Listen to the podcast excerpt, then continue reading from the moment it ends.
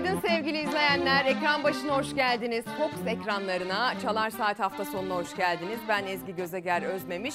Bugünün gelişmeleriyle, Türkiye'nin ve dünyanın yaşanan tüm olaylarıyla, güncel bilgileriyle karşınızdayız. Geceden sabaha ekip arkadaşlarımızla birlikte hazırlıklarımızı yaptık. Karşınıza dolu dolu bir içerikle çıktık. İlerleyen saatlerde Türkiye'nin gündeminden, ekonomisinden, siyasetinden, vatandaşından, esnafından, çiftçisinden bahsedeceğiz. Dünyanın gündemine bakacağız. Savaşın, Rus işgalinin Ukrayna'daki nabzını tutacağız ve pek çok gelişmeyle karşınızda olacağız. E, siyasiler konuşuyorlar, siyasiler açıklamalar yapıyorlar ve yapılan her açıklamayla özellikle ekonomiye dair söylenen her sözle sizler gibi bizler de çok yakından ilgileniyoruz. Dün itibariyle Bakanımız e, Sayın Nebati bir açıklama yaptı. Yaptığı açıklamada çarklar dönüyor mu? Dönüyor dedi. Fabrikalar çalışıyor dedi. Önemli olan dedi ve sıraladı. İlerleyen dakikalarda onun neler söylediğini size aktaracağız ama biz de çarklar dönüyor mu sorusunu sizlere sormak istedik. Sizin çarklarınız dönüyor mu? Sizce Türkiye'nin çarkları dönüyor mu? Ekonominin, siyasetin e, çarkları dönüyor mu? Dünyanın durumuyla ilgili ne düşünüyorsunuz? Kendi cebinizle, kendi mutfağınızla ilgili çarkların durumu ne? Bunları bize yazıp gönderebilirsiniz. Twitter ve Instagram'dan Ezgi Gözeger hesapları bize yazıp gönderebileceğiniz, eleştirilerinizi, düşüncelerinizi, duygularınızı, her türlü katkınızı e, aktarabileceğiniz adresler. Çarklar dönüyor mu diye sormuşken bir zam haberiyle başlıyoruz. E, motorine zam geldi sevgili izleyenler. Ee, şimdilik benzinde bir değişiklik yok ama motorine gelen zamla birlikte hatırı sayılır ölçüde 1 lira 79 kuruşluk zamla birlikte fiyat 22 liraya çıktı. Litre fiyatı bir inip bir çıkan ancak bir süredir 20 liranın altına düşmeyen motorin yine zamlandı. 1 lira 79 kuruşluk zamla yeniden 22 lira oldu. Her gün bir zam. Milletimize yazık. Vallahi yazık. Bu nasıl baş edecek, nasıl geçinecek millet onu bilmiyorum. 4 gün önce 1 lira 4 kuruşluk indirim gördüğünde petrolün varil fiyatı 102 dolara gerilemiş. Pompaya yansıyan indirimle motorinin litre fiyatı 20 lira 23 kuruş olmuştu. Çok zorluyor. Trafikten görüyorsunuz artık eskisi gibi yoğunluk olmuyor. İşe falan giderken zaten kullanmıyoruz. Dışarıya giderken kullanıyoruz. Artık daha toplu ulaşımları tercih ediyoruz. Rusya ve Ukrayna arasındaki gerginlik Avrupa'nın Rus petrolünün satışlarını sınırlamaya dönük adımlarıyla petrol ve akaryakıt fiyatları son dönemde sert artış gösterdi. Motorin tek seferde 2 lirayı aşan zamlarla rekor kırdı. Bir yıl içinde %242 zamlandı. İki ay önce aldığımızda depomuzu dolduruyoruz 300-400 lira şimdi 1200 liraya 1300 liraya dolduruyoruz ya. Oysa motorinin litre fiyatı tam bir sene önce 6 lira 43 kuruş. Yılbaşındaysa 11 lira 43 kuruştu. Motorinin son 4 ayda gördüğü zam oranı ise %92,5 oldu. Bu nasıl olacak yani? Artık bıktık. Her yani sabah uyanıyorum zamla, akşam yatıyorum zamla. Pazartesi zam var, çarşamba var. Artık ağlayacağım yani. Valla biri dur dersin paramız yetmiyor. Bugün uygulamaya başlanan zamla birlikte motorinin litre fiyatı İstanbul'da 22 liraya, Ankara ve İzmir'de ise 22 lira 10 kuruşa yükseldi. Takip edemiyoruz. Yani maalesef bir aldığımızda ikincisiyle bayağı ciddi bir fark doğuyor. Nereye varacak bu işin sonu? Sevgili izleyenler motorine gelen son 1.79'luk zammımız hepimize, vatana, millete hayırlı uğurlu olsun. Benim arabam yok ki, benim motorlu taşıtım yok ki, ben motorin ya da mazot ne diyorsanız kullanmayacağım ki diyenlere de hayırlı uğurlu olsun biliyorsunuz. Çünkü sadece e, direksiyona geçenlere e, etki etmiyor bu durum. Direksiyona geçmeyene de etki eden bir durum. Özellikle de mazot söz konusu olunca çiftçiyi biliyorsunuz direkt olarak yakından ilgilendiren bir mesele haline geliyor. 22 lira ne demek? Yani bir de kullandığınız aracın bir traktör olduğunu e, depo kapasitesinin daha yüksek ve tüketiminin de hani çünkü bir güç sarf ediyor ya tarla sürüyor ya da ona göre bir işlem yapıyor tüketiminin de daha yüksek olduğunu düşünün. Litre başına 22 lira ödemek ne demek? Varın siz düşünün. Çarklar dönüyor mu sorusuna da bu minvalde cevabınızı e, gönderin diyelim. Yönetmenim sen de gazeteleri gönder.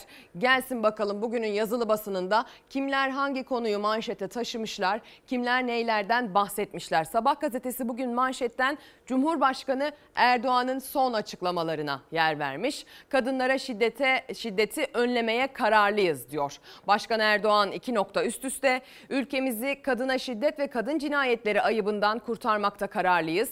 Önemli adımlar atıyoruz demiş. Bugün Cumhurbaşkanı Erdoğan'ın bu sözleri yani kadına şiddet ve kadın cinayetlerine dair ayıp tanımlaması pek çok gazetenin ilk sayfasında çoğunlukla da manşetten kendine yer bulmuş sevgili izleyenler. Biz de temsilen Sabah gazetesinden bu haberi e, okuyalım. Kadına yönelik şiddetin kendisiyle birlikte şiddeti doğuran sebepleri ortadan kaldırana kadar amasız fakatsız bu şekilde mücadeleyi inşallah sürdüreceğiz. Şiddet mağduru kadınlarımıza tek tuşla emniyet teşkilatımıza ulaşma imkanı veren KADES uygulamasını indiren kişi sayısı 3,5 milyonu geçti diyor Erdoğan Dolmabahçe'de. Şiddet mağduru kadınların yakınlarıyla bir araya geldiği iftar programında konuştu. Hadi gelin o iftar programına gidelim. O sözleri kendi kulağımızla duyalım.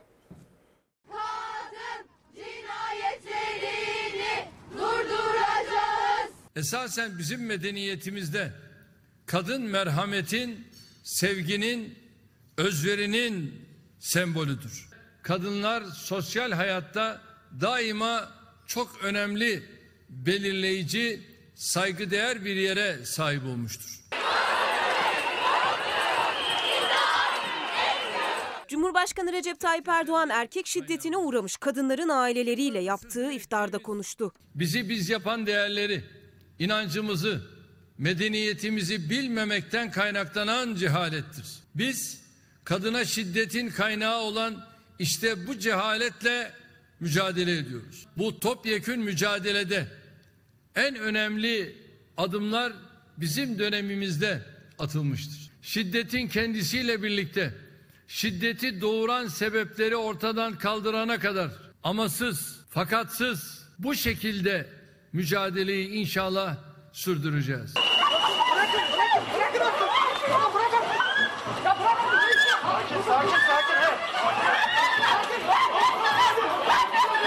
Kadına şiddetin nedenlerini ortadan kaldırmak için mücadele ediyoruz dedi Cumhurbaşkanı Erdoğan. Pek çok yeni düzenlemeyi geçtiğimiz 20 yılda ülkemize kazandırdık. Son 10 yılda kadın konuk evlerinde toplam 325 bin kadının ve 190 bin çocuğun misafir edilmesi hem sorunun büyüklüğünün hem de yürütülen mücadelenin ne derece etkin ve yaygın olduğunun işaretidir.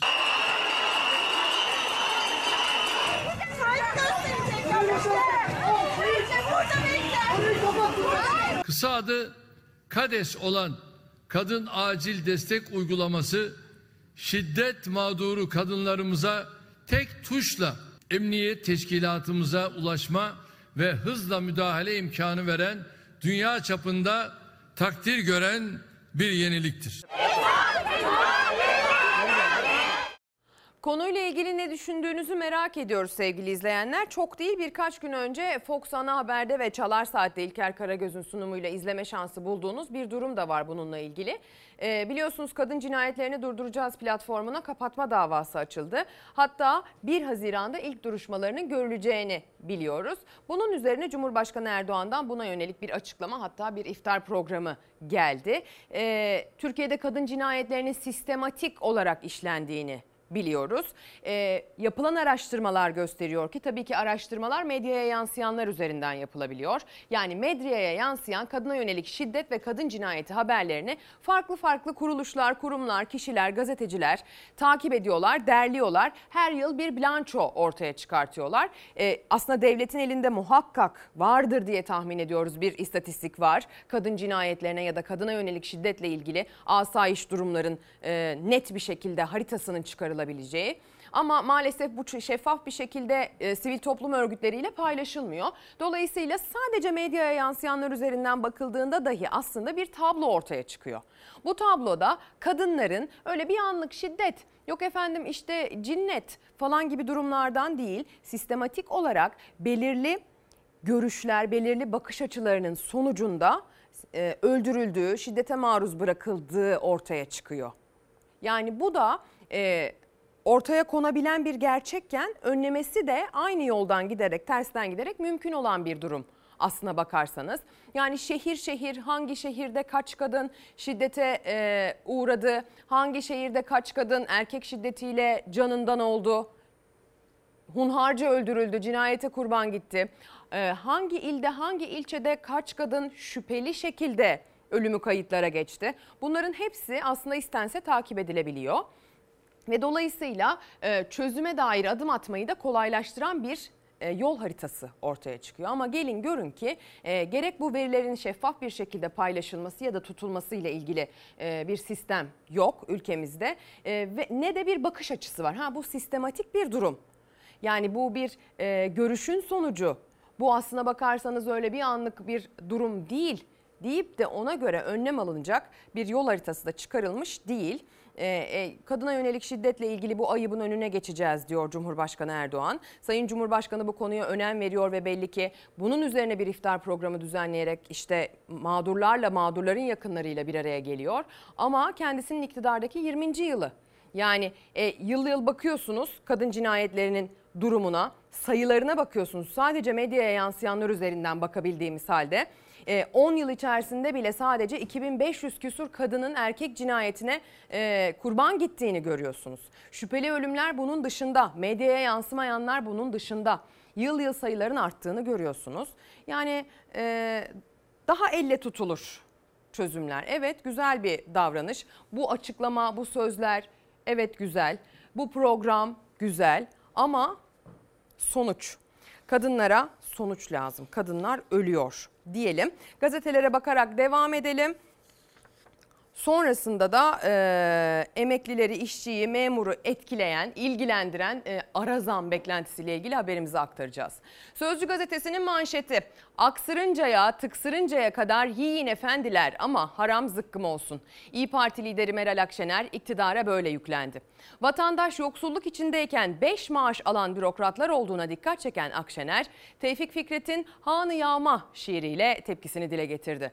Bursa'da önceki akşam partisinin iftar programına katılan Meral Akşener, Ramazan'da pek çok evde sadece makarna, bulgur, çorba pişirildiğini belirtti ve şöyle devam etti. Hani var ya bir şiir, aksırıncaya tıksırıncaya kadar yiyin efendiler diyor. Yiyin ama haram zıkkım olsun.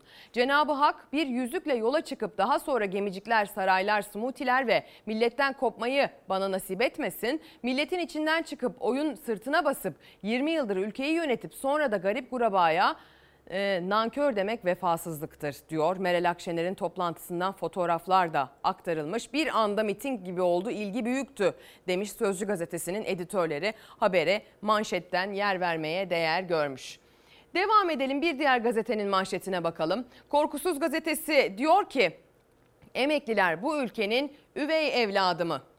Türkiye'de her şeyin fiyatı son 4 yıl içinde %100'den fazla artarken emeklinin ikramiyesine yapılan zam %10'da kaldı. Enflasyon canavarına ezdirildiler, düşük maaşa mahkum edildiler. Hayat pahalılığı ve düşük maaş arasında sıkışan emekliler geçinemiyor, harçlık veremedikleri için torunlarından köşe bucak kaçıyor. Ülkenin dört bir yanında buluşup yola çıkan emekliler bugün Ankara'da maaşlarına iyileştirme, sağlık hizmetinde katkı paylarının kaldırılması ve bayram ikramiyesinin yüksek yükseltilmesi talebiyle miting yapacak. Son 4 yılda emekli ikramiyesi sadece %10 artırılıp en düşük emekli maaşı 2500 liraya yükseltilirken resmi enflasyon %151, gıda enflasyonu ise %186 arttı. Diskar'ın araştırmasında emeklilerin alım gücü gıda enflasyonuna göre son 3 yılda 1000 liradan 385 liraya düştü. Yani 1000 lirada kaybedilen paraya bakar mısınız? 615 lira kaybetmiş. Yani e, emeklinin 1000 lirası 385 liraya dönmüş. Cebinden 615 lira uçup gitmiş sadece son 3 yılda. İkramiyenin alım gücü ise 3 yılda 1000 liradan 438 liraya geriledi diyor. Ara zam bekliyor. E, emeklisi, memuru, işçisi e, sevgili izleyenler. İkramiye zammında vaat bile görülemedi maalesef. Beklenen açıklama gelmedi.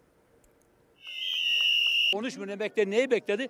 Reis çıkacak da bir şey verecekti. Bir müjde. Ne müjdesi verdi? Hiçbir şey. Şartlara göre ilave adımlar da atarak insanlarımızın refah seviyelerini korumalarını temin etmeye çalışıyoruz. Aramıza giden bizi görmemeleri, bizi işi bitmiş gibi bir kenara atmaları. Milyonlarca emeklinin gözü kabine toplantısı sonrasındaydı ama bayram ikramiyesinin artmasına yönelik bir açıklama gelmedi Erdoğan'dan. 3 gün sonra Cumhurbaşkanı ilave adımlarla refah seviyesinin korunmasını temin etmeye çalışıyoruz dedi.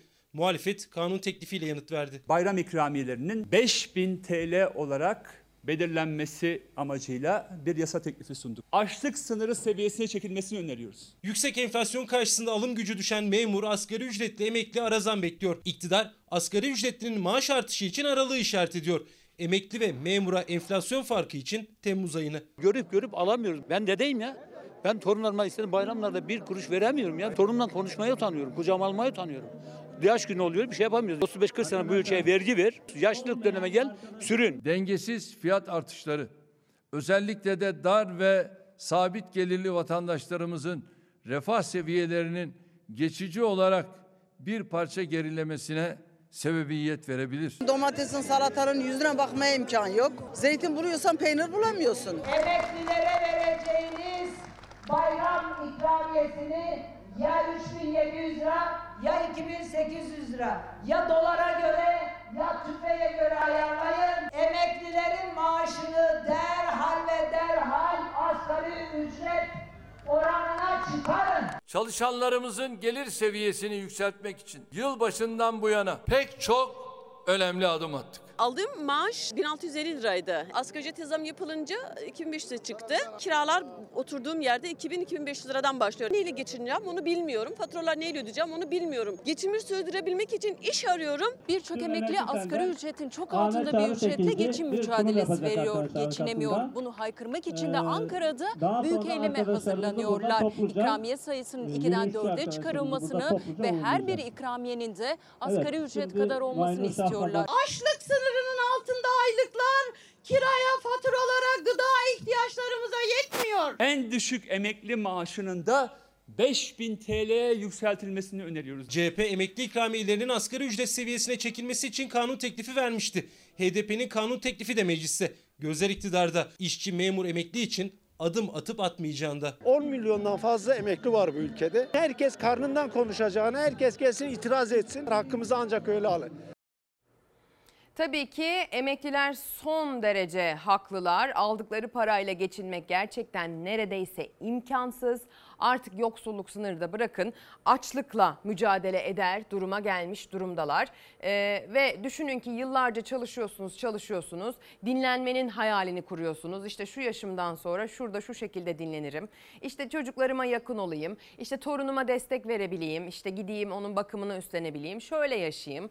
İşte şurada durayım falan gibi planlar yapıyorsunuz yıllarca. Ama sonrasında tam emekliliğinize öyle bir ekonomik durum denk geliyor ki... E, yaşadığınız aslında zaten zor koşullarda götüreceğiniz o emeklilik hayatını 3-4 kat daha zor koşullarda sürdürmek zorunda kalıyorsunuz ve bu dünyaya bir kere geliyorsunuz. Bir kere emekli oluyorsunuz, bir kere emeklilik yaşıyorsunuz. Gerçekten zor ve büyük bir haksızlık diyelim. Devam edelim. Dün akşam Karar TV'de ana muhalefet lideri Kemal Kılıçdaroğlu konuktu sevgili izleyenler. Kendisinin söyleyeceği konular her geçen gün açıklama yapıyor olmasına rağmen hiçbir şekilde önemini kaybetmiyor. Çünkü Türkiye çok uzun zamandır seçim, erken seçim şeklinde e, konuşmaya devam ediyor. Altı lider bir araya geldiler, yuvarlak masa etrafında toplandılar, bir bildiri ortaya koydular, bir manifesto yayınladılar. E, sonrasında tabii ki adayın kim olacağı sorusu daha da yüksek perdeden sorulmaya başladı. E, son olarak e, Temel Karamollaoğlu o altılı masadan bir isim Saadet Partisi'nin lideri e, bir açıklama yaptı. İttifak içinde ittifak olabilir şeklinde son seçim kanununa göre nasıl bir düzenleme yapılır e, şeklindeki beyin fırtınasının sonucu bir açıklamaydı bu. E, tabii ki Kemal Kılıçdaroğlu'nun hem buna yönelik ne söyleyeceği hem de seçim ihtimaline yönelik ne söyleyeceği, ekonomik duruma yönelik ne söyleyeceği hep merak konusu. Bakın e, yapılan açıklamadan satır başlıkları. Önce ekonomi tabii. Yani bu toplum bir rahat bir nefes alması lazım. Bizim çıkaracağımız birinci bir numaralı kararname stratejik planlama teşkilatını yeniden kuracağız. Başlangıçta 50-60 gerçekten bu işi iyi bilen ve başında da bu işi iyi götürecek olan bir kadroyu belirleyeceğiz ve atayacağız. Ve bunlara şunu söyleyeceğiz. Bize 10 gün içinde Türkiye'nin bütün rakamlarını getirin kardeşim. Çiftçinin bankalardan veya e, tarım kredi kooperatiflerinden alınan kredilerin faizlerini sıfırlayacağız. Esnafın yine Halk Bankası'ndan, bankalardan veya esnaf kefalet kooperatiflerinden aldıkları kredilerin faizlerini sileceğiz. Çiftçi rahatlayacak. En çok sıkıntı çeken esnaf rahatlayacak. Sanayiciye de önünü göreceksin diyeceğiz. Merkez Bankası Başkanı'nı atacağız. Ee, ama Merkez Bankası Başkanı uluslararası saygınlığı olan, gerçekten bağımsız, Merkez Bankası kültürüne sahip, bu işi gayet iyi bilen bir insanı atacağız oraya. Sen kardeşim Merkez Bankası Başkanısın. Fiyat istikrarına e, istikrarından kanuna göre sen sorumlusun. Sanayiciye şunu vereceğim, bunu vereceğim demiyorum. Esnaf ve çiftçiye vereceğiz diyor. Bu süreçte en çok mağdur olan Muhakkak, bunlar orta muhakkak. sınıf. Çok Tabii, mağdur orta. oldular, evet. Çünkü bakın çiftçinin üretmesi lazım. Yoksa ben daha pahalıya dışarıdan buğday alacağım. Ki öyle oluyor. E, o zaman buna destek verdiğim zaman dışarıdan almayacağım. Dolar bizde kalacak. Ekonomi ile ilgili durum özellikle muhalif liderlerin ana gündem maddelerini oluşturuyor. Bi- Biliyorsunuz aylardır esnafı, çiftçiyi il il ilçe ilçede gezmeye devam ediyorlar. En başta da İyi Parti lideri Meral Akşener. İlerleyen dakikalarda onun izlenimleriyle de ilgili haberlerimiz ekrana gelecek ama e, gördüğünüz gibi sizin de yaşadığınız gibi liderler, siyasi isimler nereye giderlerse gitsinler en çok konuşulan e, ülkenin ekonomik durumu, tencerenin kaynayıp kaynamadığı, çarkların dönüp dönmediği oluyor. E, dün itibariyle Maliye Bakanımız Sayın Nebati bir açıklama yaptı. Çarklar dönüyor dedi kendisi yaptığı açıklamada. Biz de o yüzden size sorduk çarklar dönüyor mu diye. Şimdi bakıyorum hem Instagram hem de Twitter'a çarklar dönüyor mu başlığı altına hatır sayılır ölçüde mesaj göndermişsiniz. Konuyla ilgili çokça görüş bildirmişsiniz. Hadi gelin Nebati'nin o sözlerine kulak verelim. Sonrasında da sizin mesajlarınıza bir bakalım. Türkiye kazanıyor. Türkiye büyüyor. Çarklar dönüyor. İşsizlik 10,7'ye düşüyor. Kapasite kullanım oranı 80'lere geliyor. Şunu söylüyor. Her yerde işler, fabrikalar devam ederek yürüyor. Üretim artıyor. ihracat artıyor birlik ve beraberliğimiz daha da güçlenerek devam ediyor. Sorunlar çözülmek içindir. Zorluklar üstesinden gelmek içindir. Tek sorunumuz var. Enflasyon. Enflasyonun üstesinden üstesinden geleceğiz. İrademizle geleceğiz. Aldığımız kararlarla geleceğiz. Ne yapıyorsunuz diyorlar. Mali politikalarla KDV indirimlerinden tüm mali politikaların bütçenin sağlam tutulmasına disiplinden el verilmeyecek şekilde çalışmaya kadar yolumuza yürüyoruz. Merak etmeyin. Biz bu işin üstesinden her türlü zorluğun üstlerinden nasıl geldiysek bundan sonra da gelmeye devam edeceğiz. Siz yeter ki kararlı olun. Siz yeter ki inanın. Siz yeter ki güvenin. Her zorluk aşılmak içindir. Tekraren söylüyorum. Önemli olan çarkların dönmesi, fabrikaların çalışması, üretimin devam etmesi. Devam ediyor mu? Elhamdülillah. Bundan sonrası bu mücadelemizde devam edecek ve mutlak surette üstesinden geleceğimiz bir alanımız var. Bu alanın üstesinden tekrar tekrar söylüyorum geleceğiz. Üstesinden geleceğiz diyor bakan. Siz bu konuda ne düşünüyorsunuz merak ediyorum dedim ya. Mesajlarınız gelmeye başladı. Hemen aktaralım AK Parti'de Samsun, e, AK Parti Samsun iftar buluşmasında e, yaptı bu konuşmayı. Hazine ve Maliye Bakanı Nurettin Nebati. Ee, Sayın Bakanımızın konuşması sırasında da arkada ciddi bir uğultu ve kaşık çatal seslerinin geliyor olması herhalde iftar saatine denk geliyor olmasıyla alakalı diye tahmin ediyorum. Siz e, çarklar dönüyor mu sorusuna pek çok yanıt göndermişsiniz. Bakın gelen yanıtlardan birisi de Murat İde'den. Kendisi İyi Parti Genel Başkanı Meral Akşener'in basın danışmanıdır biliyorsunuz İyi Parti'de basının e, başındaki isimdir. Çarklar dönüyor mu? Muamma demiş e, Sayın İde ama çanlar iktidar için çalıyor mesajını göndermiş. Bu başlığımıza sağladığı katkıdan dolayı da kendisine çok çok teşekkür ederiz. Yılmaz Tosun Instagram'dan yazmış. Çarklar dönüyor dönüyor da hep malum kesimin tarafına dönüyor. Gariban yine gariban, işsiz yine işsiz. Hayat pahalılığı son 20 yılın zirvesinde zaten ama huzur hakkı adı altında millet üçer beşer maaş alıyor. Hakkımızı helal ediyor musunuz diye elbet biri soru bu biri bu soruyu soracak diyor gönderdiği mesajda. Bir diğer izleyicimiz evine huzur hakkı 4 maaş girenlerin çarkı fırıldak gibi dönerken biz vatandaşların çarkı koptu nasıl dönsün diye sormuş. Konya'dan bir izleyicimiz bir mesaj göndermiş.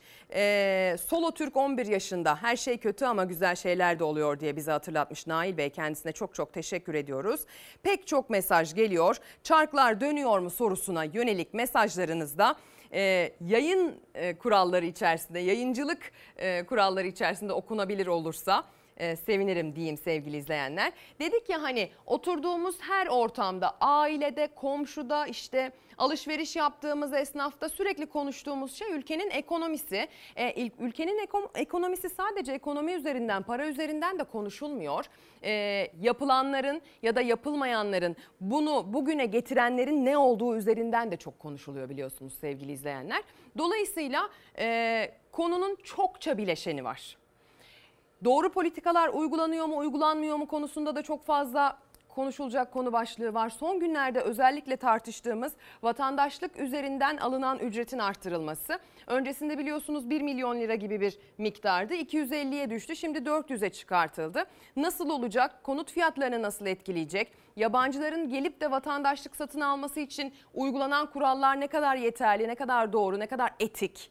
Bunların hepsini tekrar tartışmaya açtı. Bunun neden yapıldığı sorusu e, sorulmaya başlandı. Ekonominin çarkları dönüyor mu dönmüyor mu bilinmez ama dönsün diye pek çok uygulama hayata geçiriliyor ve çoğu da çok da hayatımızı birebir etkileyen, direkt dokunan bir sonuca varmıyor maalesef.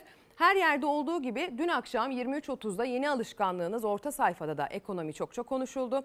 Ve bakın hangi konu başlıkları gündeme geldi Fox ekranlarında orta sayfada. 400 bin doları veriyoruz. 3 sene evi satmıyoruz. Sat, e, Cumhurbaşkanı kararıyla Türkiye Cumhuriyeti vatandaşı oluyoruz. Cebimize de Türk pasaportu koyuyorlar. Şimdi 31 artmış. %31 konut satışı artmış. Yılın ilk e, şeyinde e, çeyreğinde 15 bine yakın satışla yabancıların aldığı konut satışında rekor kırılıyor baktığında. Ve üç- son 9 yılda 300 bine yakın konut satın almış yabancılar. Bu sayının yarıdan fazlası son 4 yıla ait ve 250 bin dolara vatan, e, satıldığı döneme denk geliyor. 250 Yani her dolar. 5 konuttan e, 4'ü bir, Evet. bir dönem yabancılara e, satışa tekabül Ya ediyordu. çok bu kadar Türkiye Cumhuriyeti vatandaşlığı bu kadar ucuz mu ya? Pasaportumuz bu kadar ucuz mu ya? İtibarsız mı? Vallahi insan büyük üzüntü duyuyor. Ee, bir e, konut stoku, muazzam bir konut stoku var, stoku var. Elde kalmış. Bir kısmı onu eritmeye dönük. Öyle söylüyor yani bu bu işten anlayan insanlar. E bir kısmı da Türkiye'nin çok artık e, yani sınırları yol geçen hanı e, bir entegrasyon, düzgün bir göçmen politikası olmaksızın herkes artık geliyor ve iş biraz e, bir kriminal bir halde almaya başladı. Rahatsız edici bir noktaya da ulaştı. Yani bunu e, bir şekilde e, hani talep etmek lazım. Politik olarak talep etmek lazım. E, bir göçmen politikasını, hukuki temelleri sağlam bir göçmen politikasını talep etmenin zorunlu olduğu bir düzleme geldik artık. E, birincisi o. E, ikincisi e, senin söylediğin bu 400 bin dolara vatandaşlık meselesi hakikaten e, onur kırıcı. Yani en- Çok. gerçekten Çok onur dokundu. Mesela bana çok Türkiye Cumhuriyeti kırıcı. vatandaşı olarak e, Atatürk'ün kurduğu bir cumhuriyetin ferdi olarak çok dokunuyor bana. E, İranlı eylemci kadınlar ya da işte İran'da çok mağdur olan kadınlar. Ya kaçıyla uğraşıyoruz biz? Sivil toplum örgütleri biz uğraşan gazeteciler kaç tane başörtüsü eylemcisi kadın? Yani İran'daki o şeriata karşı eylem yapan kadınlar Türkiye'ye kaçtılar. Ya hemen yakalayıp iade ediyorlar İade arkadaş. ediyorlar. Yani neye iadesi? Ülkelerinde idam cezası var. Bu kadınlar dönse kam, kampçı cezası var ya.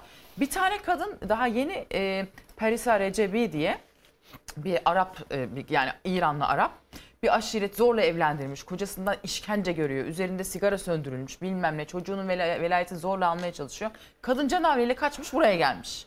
Kadını yakalıyorlar ve göç idaresi diyor ki efendim senin ülkende diyor sen savaştan kaçmadın. Senin diyor bir kaçma şeyin yok. İade edecekler kadını. Yani delirmemek işten değil. Ya, Kardeşim tuta tuta bu kadınlardan siz ne istiyorsunuz? Veya Uygurlar.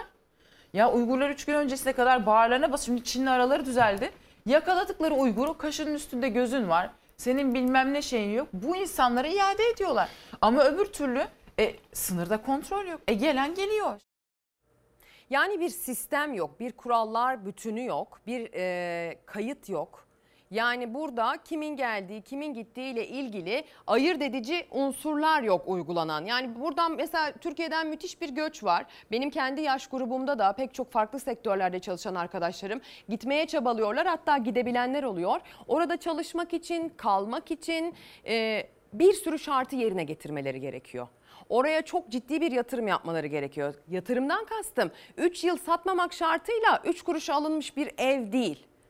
Yani orada bir iş kuracaksın. O bir yıl boyunca o işten ne kadar kazandığın, işte birilerini çalıştırıp çalıştırmadığın, orada hayata entegre olup olmadığın sosyal olarak ortaya konması gerekenler arasında yani karşılanması gereken şartlar arasında bunlar da var. Ama işte hem burada e, ciddi anlamda asayiş problemler yaratanları geri göndermiyorsunuz. İçeriye asayiş problem yaratacağı belli olan kişileri alıp almamak konusunda bir kriter koymuyorsunuz. Ama yayında Nevşin Mengü'nün söylediği gibi işte gerçekten can havliyle kendini buraya atmış olanı da hadi Allah deyip geri gönderiyorsunuz. Yani bir sistem, bir kurallar bütünü varsa da uygulanamıyor. Uygulanamamasının sebebi denetlenememesi de olabilir. Yani burada bir sistemsizlik söz konusu. Bir gün gazetesi bugün farklı farklı gazeteler farklı farklı konu başlıkları altında ve farklı yaklaşımlarla ülkemiz içerisindeki göçmenleri hani tırnak e, içerisinde çatı bir tabirle göçmenleri ele alan bir takım haberler ele almışlar, e, kaleme almışlar. Bakın Bir Gün Gazetesi bu nefret tehlikeli başlığını atmış ilgili haberine. İlk günden bu yana AKP iktidarının yanlış politikalarının bedelini ödeyen sığınmacılar bir kez daha hedefte. Zor şartlar altında hayata tutunmaya çalışan Suriyeli sığınmacılar bir taraftan ucuz iş gücü olarak sömürülürken diğer yandan da iktidarın ve muhalefetin ırkçı, milliyetçi nefret dilinin kurbanı oluyor. Medyada göçmen karşıtlığını beslerken milyonlarca Suriyeli iç siyasetin kısır söylemlerine sıkıştı. Hatalı göçmen politikaları ve yükselen sığınmacı düşmanlığı birçok akademisyen tarafından da tartışılıyor. Profesör Doktor Hatice Kurtuluş tehlikeli bir siyaset izleniyor derken Profesör Doktor Deniz Yüks- Yükseker muhalefet arasından da göçmen karşıtlığı yarışı olduğunu vurguladı diyor. Muhalefet arasında da böyle bir yarış var deniyor. Şimdi mesele biraz e, millilik duygusuyla, milliyetçilik duygusuyla aslında e, kendi ulusumuz, vatanımız, toprağımız, bayrağımız mevzusuna yakın bir mevzu olduğu için aslında çok güzel siyasete de malzeme edilebilir bir konu başlığı olarak karşımıza çıkıyor.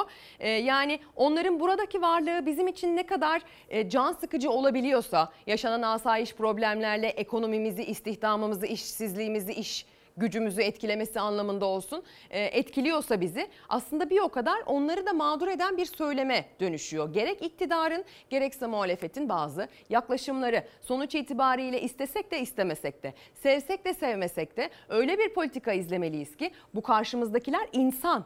Yani bunlar birer insan, birer can taşıyorlar sen ben gibi. Dolayısıyla haklıyken haksız duruma düşmemek de çok çok önemli. Hadi gelin bir başka gazetenin konuyla ilgili bir başka haberine gidelim. Cumhuriyet gazetesinde de bugün e, ülkemizin sınırları içerisindeki göçmenlerle ilgili bir detay yine ilk sayfadan kendine yer bulmuş. Sınır dışı yasal başlığı atılmış uzmanlar. Türkiye'ye giriş yapan yabancı göçmendir demişler. Ülkeye kaçak girişlere ilişkin videolara kadınların gizlice çekilen taciz görüntülerinin eklenmesi ve çeşitli şiddet olaylarının yaşanması göçmenlere yönelik tartışmayı şiddetlendiriyor değerlendirdi. GESYAT Başkanı Aydoğan Asar, çatı kavram göçmendir. Yasaya göre düzensiz göçmenlerle ilgili yapılacak işlem sınır dışıdır dedi diyor. Sefa Uyar'ın ilgili haberinin hemen ilk kısmı bugün e, Cumhuriyet Gazetesi'nin ilk sayfasında yer almış. Son olarak tabii ki biz bu konuyu neden konuşur hale geldik? Hem yaşanan asayiş olaylar, olaylardaki artış nedeniyle hem de e, bu vatandaşlık karşılığında satılan konutlarla ilgili fiyat değişiminden sonra biz bu konuyu konuşur hale geldik. E, TÜİK bir açıklama yaptı. Konut satışları ile ilgili artışı rakamsal verilerle, istatistiki bilgilerle ortaya koydu. Milliyet gazetesi de bunu ilk sayfasından e, aktarmış.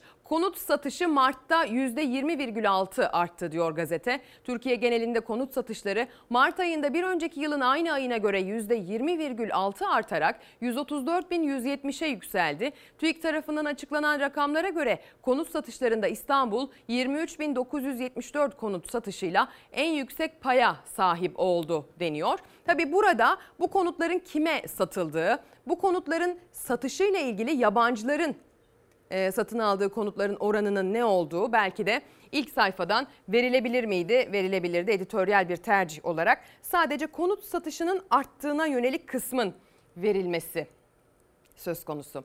Geçtiğimiz hafta çok konuştuk. Bir diğer konu başlığına geçelim.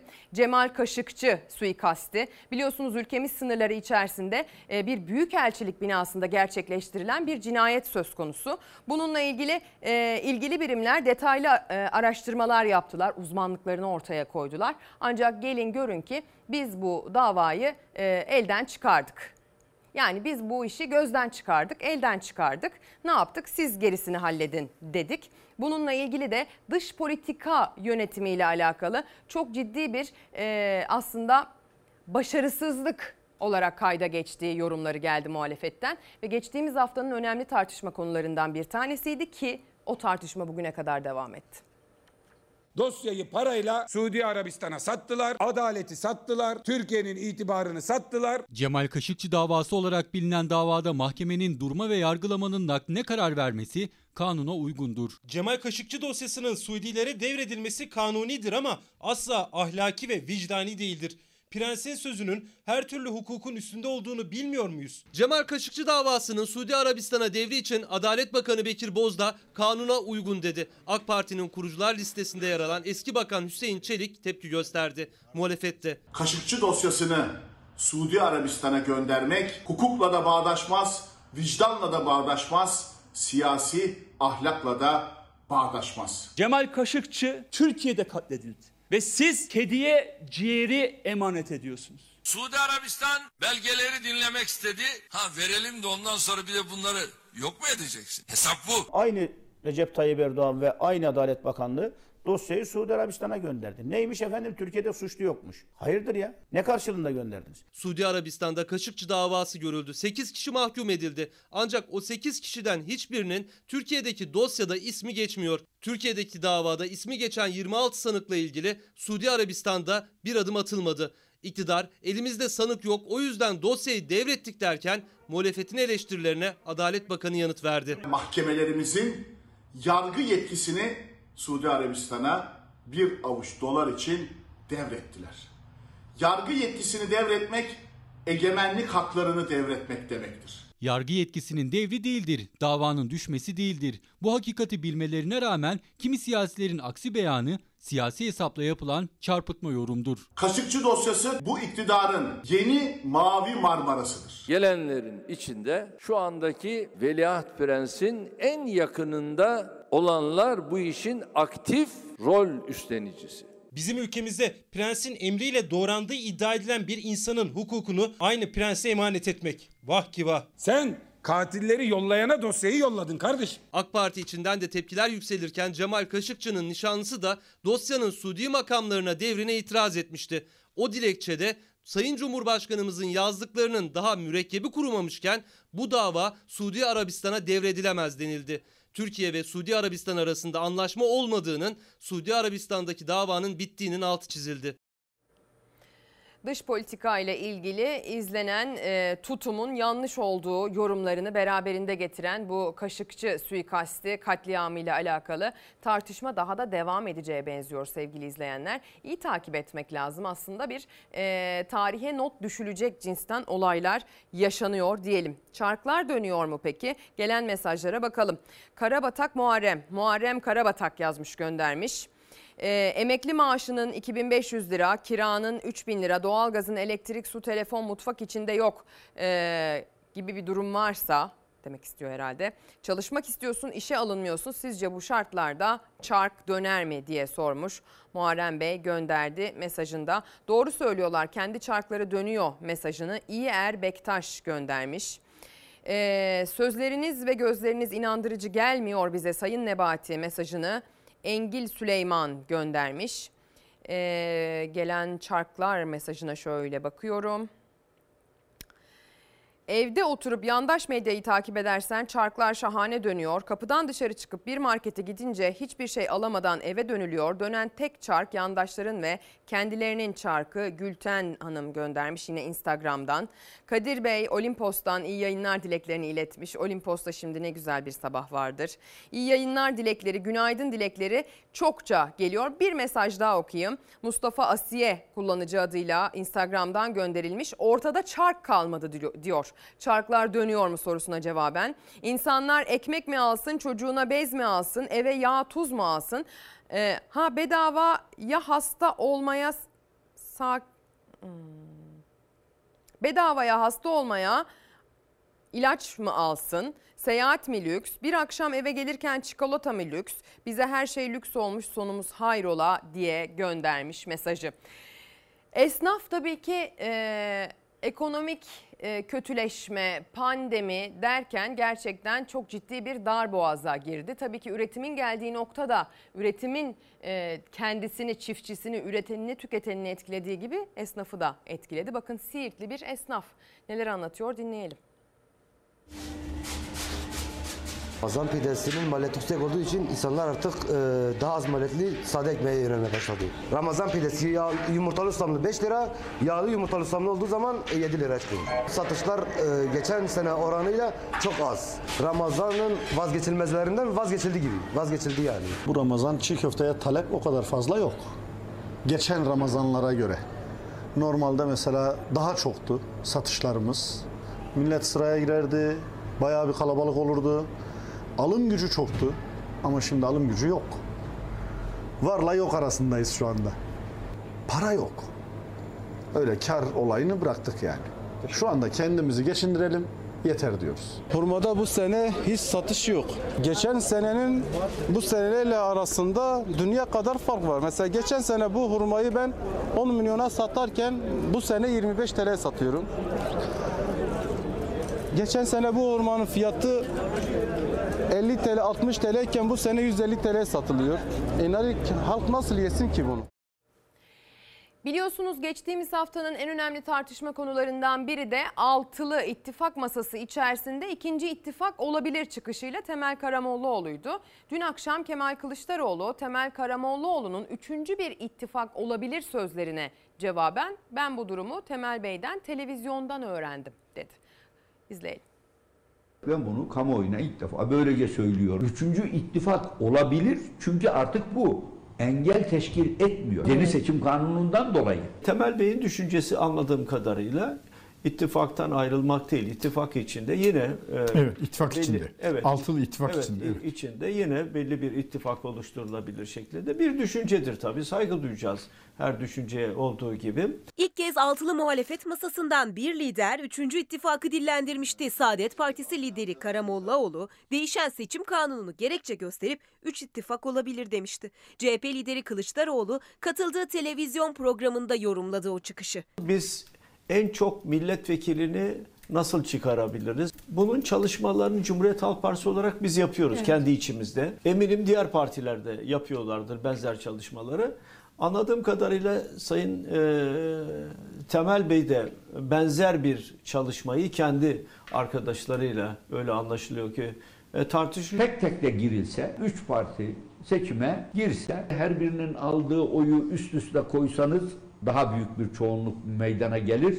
Milletvekili adedi artar. Böyle bir ortam oluştuğu takdirde güven telkin eder. Bir patlama meydana gelir. Karamollaoğlu Karar TV'de katıldığı programda 3. ittifak olabilir dedi. Neden? Değişen seçim kanunu. Çünkü Cumhurbaşkanı seçiminde ittifakın toplam oyuna bakılacak ama milletvekili dağılımı her partinin aldığı oya göre yapılacak.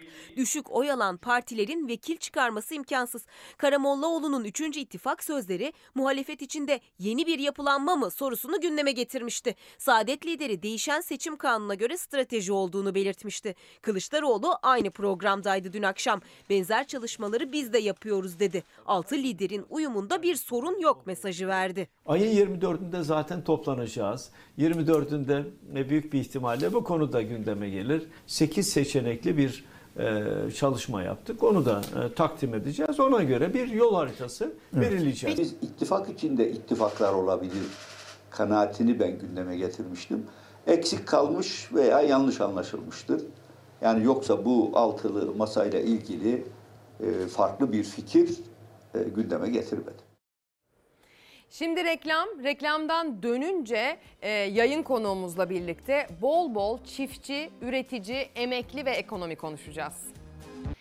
Günaydın sevgili izleyenler. Tekrar tekrar ekran başına hoş geldiniz. Çalar Saat hafta sonu kaldığı yerden devam ediyor. Yayında e, yani az evvel reklama gitmeden önce söylemiştim. İlerleyen dakikalarda bir yayın konuğumuz olacak ve kapsamlı bir e, yayın yapacağız diye kendisiyle. CHP NİDE Milletvekili Ömer Fethi Gürer geldi. Şu anda dinleniyor. Birazdan burada olacak dakikalar içerisinde. Öncesinde tabii ki bizim size aktarmak istediğimiz haberler var. Yapılması gereken uyarılar var. Özellikle... E, görmeden geçemeyeceğimiz maalesef bir işgal, bir savaş durumumuz var ve hemen kuzeyimizde. Hemen Karadeniz'in e, diğer tarafında yaşanıyor dünyanın gözleri önünde bir insanlık dramı. Hatta e, savaş kurallarının dahi, savaşın dahi kendi içinde kuralları vardır ya, onların dahi zaman zaman ihlal edildiğini gördüğümüz bir vicdanları yaralayan durum yaşanıyor orada. E, yaklaşık 5 milyon kişinin ülkesini terk etmesinden bahsediliyor. Son olarak Ukrayna'nın vurduk dediği Rusya'ya ait geminin de battığı anlaşıldı ama Rusya gemi vurulduğu için değil meteorolojik koşullar dolayısıyla battı dedi.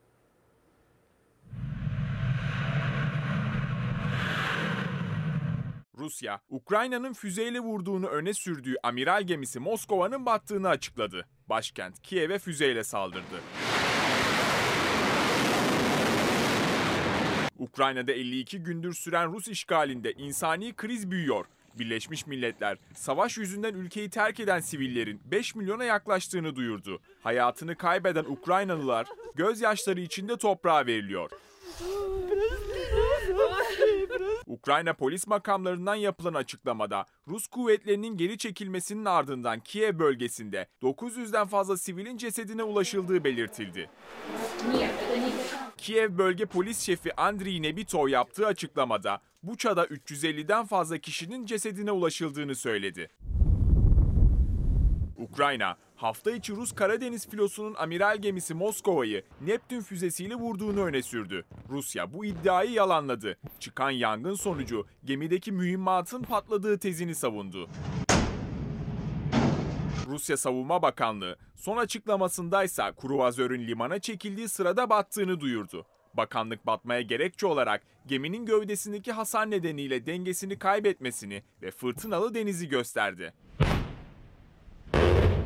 Moskova yönetimi daha sonra Ukrayna'nın Rus topraklarındaki Bryansk bölgesine saldırdığını açıkladı. Rusya'da misilleme olarak Ukrayna'nın Kiev çevresindeki askeri tesislerine füze attı. Kremlin şehre saldırıların artacağını ilan etti. Ukrayna'nın doğusundaki çatışmaların şiddetlenmesi beklenirken Ulaştırma Bakanı Adil Kara İsmailoğlu bölgedeki Türk gemileriyle ilgili bilgi verdi. Ukrayna'nın Karadeniz'deki sahillerinde bekleyen de 22 tane gemimiz var bizim. Rusya, NATO'ya üye olmayı isteyen İsveç ve Finlandiya'yı da uyardı. İki ülkenin NATO'ya katılmasının Avrupa'nın güvenliği açısından olumsuz sonuçlar yaratacağına dikkat çekti. Pek çok mesaj geliyor sevgili izleyenler. Çarklar dönüyor mu diye sorduk bu sabah size. E, biliyorsunuz e, Hazine ve Maliye Bakanı Sayın Nebati çarklar dönüyor, fabrikalar çalışıyor e, dedi. Önem, önemli olan sizin bize güvenmeniz, sizin bize inanmanız şeklinde konuştu. Enflasyon en büyük sıkıntımız dedi. Samsun'daki bir iftar programında dile getirdi bu sözleri. O kendisi çarklar sönüyor dediği için, çarklar dönüyor dediği için biz de çarklar dönüyor mu dönmüyor mu konusunda bir e, beyin fırtınası yapalım. Karşılıklı bir fikir alışverişinde bulunalım istedik. Sizler de çarklar dönüyor mu başlığı altına çokça mesaj göndermişsiniz. Gelen mesajların bazıları da tabii ki e, staj sigorta başlangıcı olsun şeklinde geliyor. Borçlanarak sigortalarımızı ödeyelim diye haykıran meslek lisesi ve çıraklık okulu staj mağdur, mağdurlarının sesini duymamak devlet büyüklerimize hiç yakışıyor mu diye sormuş. Çarklar dönüyor mu demiş izleyenlerimiz bu konuda da sık sık mesajlar gönderiyorlar. Biz de o mesajlara sık sık yer vermeye çalışıyoruz. Ee, şimdi sırada e, Sayın Bakan Hulusi Akar'ın bu savaşla ilgili son açıklaması var. Onu bir dinleyelim. Ukrayna'nın egemenliğine, bağımsızlığına ve toprak bütünlüğüne daima saygılı olduğumuzu ifade ediyoruz. Her fırsatta daha fazla can kaybı yaşanmaması ve bir an önce huzur ve istikrarın temini için acilen bir ateşkese ihtiyaç olduğunu, önemli olduğunu her vesileyle vurguladık, uygulamayı sürdürüyoruz. Ukrayna'daki vatandaşlarımızın ve tüm sivillerin bölgeden güvenli bir şekilde tahliyesi için gemi dahil her türlü desteği sağlayabileceğimizi başlangıçta itibaren ifade ettik. İlaveten gemilerimizin girerken aynı zamanda insani yardım malzemesi götürmesi de planlanmıştır. Diğer taraftan Ukrayna'da bulunan A400M uçaklarımız ile ticari gemilerimizin de Türkiye'ye bir an önce emniyetle intikalleri için koordinasyonlarımızı, koordinasyonumuzu ilgili makamlarla, Ukrayna makamlarıyla, Rus makamlarıyla sürdürüyoruz. Şimdi sıra geldi biraz havadan bahsetmeye. Havadan bahsederken tabii ki çiftçiler için de ayrıca özel bir parantez açmayı unutmayacağız sevgili izleyenler. Havadan bahsedeceğiz, bahardan bahsetmeye çalışacağız. Yani bahardan bahsetmeye çalışmamızın sebebi de hani bahsedemememizin sebebi de yaklaşan bir soğuk hava dalgası. Ama bakarsanız geçiş mevsiminin karakterinde var mıdır? Evet vardır. Yani nasıl ayrılık sevdaya dahilse yağmur da serin havada bahara dahildir efendim. O yüzden yarın yaklaşan bir soğuk hava var. Onun haberini vereceğiz. Şimdiden söyleyeyim ama önce bugünden bahsedeyim. Bugün e, yurt genelinde bahar havasının yaşandığını söyleyebiliriz. Tabii ki her bölge kendi karakterinde yaşıyor bahar havasını. Yani Doğu Anadolu'ya gittiğinizde hala montlar giyiliyor, hala kışlık ayakkabılar giyiliyor ama tabii ki geçtiğimiz Mart ayının soğuk etkisi tamamen yerini nispeten ılık diyebileceğimiz bir havaya bırakmış durumda. Sisli hava özellikle yurdun orta doğu kesimlerinde etkili olacak. Sabah erken saatlerde sis pus görüş mesafesini düşürebilir. Yine yurdun doğusunda özellikle kuzey kesimlerde yani Doğu Anadolu bölgesinin kuzeyi bu sisli havayla işaretlediğimiz Karadeniz bölgesinin iç kesimlerinde sabah ve gece saatlerinde buzlanma ve dona dair de uyarı yapmak durumundayız. Gerek şoförlerin gerekse ziraatle ilgilenenlerin e, çiftçilerin bu don ve buzlanmaya karşı tedbir almasında fayda var. Yağışsız, bol güneşli diyebileceğimiz, neredeyse hiç yağış yok diyebileceğimiz bir gökyüzü haritası bugünün e, haritasıdır efendim. Yarına geldiğimizde tablonun değiştiğini görüyoruz. Yurdun batısında yeni bir yağışlı hava etkisini göstermeye başlayacak. Özellikle e, yurdun batısındaki bu yağışlar ilk etapta Marmara bölgesi ve Ege bölgesinin kuzeyinden yurda giriş yapacak. Ve tabii ki akşam saatleri oluncaya kadar e, Batı Karadeniz ile birlikte işte İç Anadolu bölgesinin kuzey kesimleriyle birlikte e, yağışlı havanın etkisini görmeye başlayacağız. Yani pazar günü itibariyle pazar gününün sonuna kadar yağışlar İç Anadolu bölgesinin batısını da içine alacak şekilde batıdan doğuya ilerlemiş olacaklar. İlerleyen günlerde bu yağışlı havayla birlikte sıcaklıklar da keskin bir düşüş yaşayacak. Keskin düşüşten kasıt yaklaşık 3-4 derecelik ortalama bir düşüş. Bazı yerlerde 2 düşer, bazı yerlerde 6 düşer. Ortalaması 3-4 dereceye tekabül eder. Yani hava soğuyacak.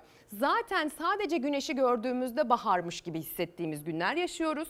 Ama e, ne olacak? İşte iyi ki de montlarımızı kaldırmamışız. İyi ki de işte yağmurda yaşta giyilecek ayakkabılarımızı e, dolabın ücra köşelerine koymamışız henüz dedirtecek cinsten bir hava hakim olacak. Ne zaman havalar kısa kollu, ne zaman havalar yazlık kıyafetli, ketenli olacak diye sorarsanız ona maalesef biraz daha var.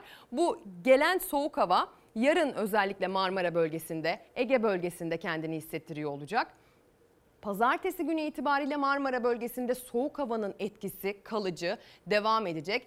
Salı, çarşamba, perşembe dedikçe böyle birer ikişer tırmanacak şekilde sıcaklıkların artacağına da şahitlik edeceğiz efendim. Ne olacak? Güneş görüldüğü zaman iyi hissedeceğiz, sıcak hissedeceğiz ama güneş biraz etkisini yitirmeye başladığında günün ilerleyen saatlerinde ya da biraz gölgede uzun süre vakit geçirdiğimizde üzerimize bir kat daha kıyafet almak ihtiyacı duyacağız. Tabii ki bu havalardan bahsederken bunun sadece günlük kıyafeti seçimine ya da işte günlük faaliyetlerimizi e, nasıl uygulayacağımıza etkisinden değil, çiftçiye olan etkisinden de bahsetmek durumundayız. E, özellikle gece ve sabah saatlerinde geçtiğimiz haftalarda yaşanan o normalin ötesindeki soğuk hava çiftçiyi çok ciddi anlamda etkiledi. Çiftçi her zaman yaptığı gibi yaptı bütün hazırlıklarını Ee, işte tarlasını, bağını, bahçesini ona göre hazırladı. Ama mevsim koşulları her zamanki gibi değildi. Ege bölgesinin iç kesimlerinde dahi zirai dondan bahsedilen haftaları geride bıraktık. 5 kilo yüzünden 1 kilo koruyacağım. O 1 kilo koruyunca 1 kilo mazot almıyor. Aylarca verdikleri emeğe bakarken emeklerine karşılık verilen desteğin değerini bu sözlerle anlatıyor Sarıgöllü çiftçi. Binbir emekle borçla ektikleri bağlarını don vurdu. Hem yaptıkları masraflar boşa gitti hem de parasızlık nedeniyle don sigortası yaptıramadıkları için zararları da borçları da katlandı. Sigorta yaptırdın mı Mesut abi? Dolu yaptırdım, soğuk yaptırmadım. Dolu. Soğuk niye yaptırmadın? Parasız değil. Parasızlıkla. Ya gübre bile almadım ben söyleyeyim. Bu çiftçimiz 3 yıl mağdur artık. Parasız.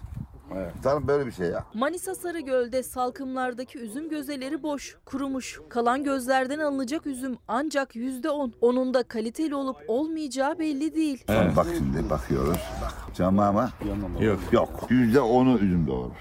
Yüzde doksan hasar olur. Bak boş ya. Bunu siyasi olur mu ya? Verimsizliğin bir nedeni çiftçinin toprağa yeterince gübre verememesi. Aslında mazot ve gübre desteği alıyor çiftçi ama Gübre mazot desteği var.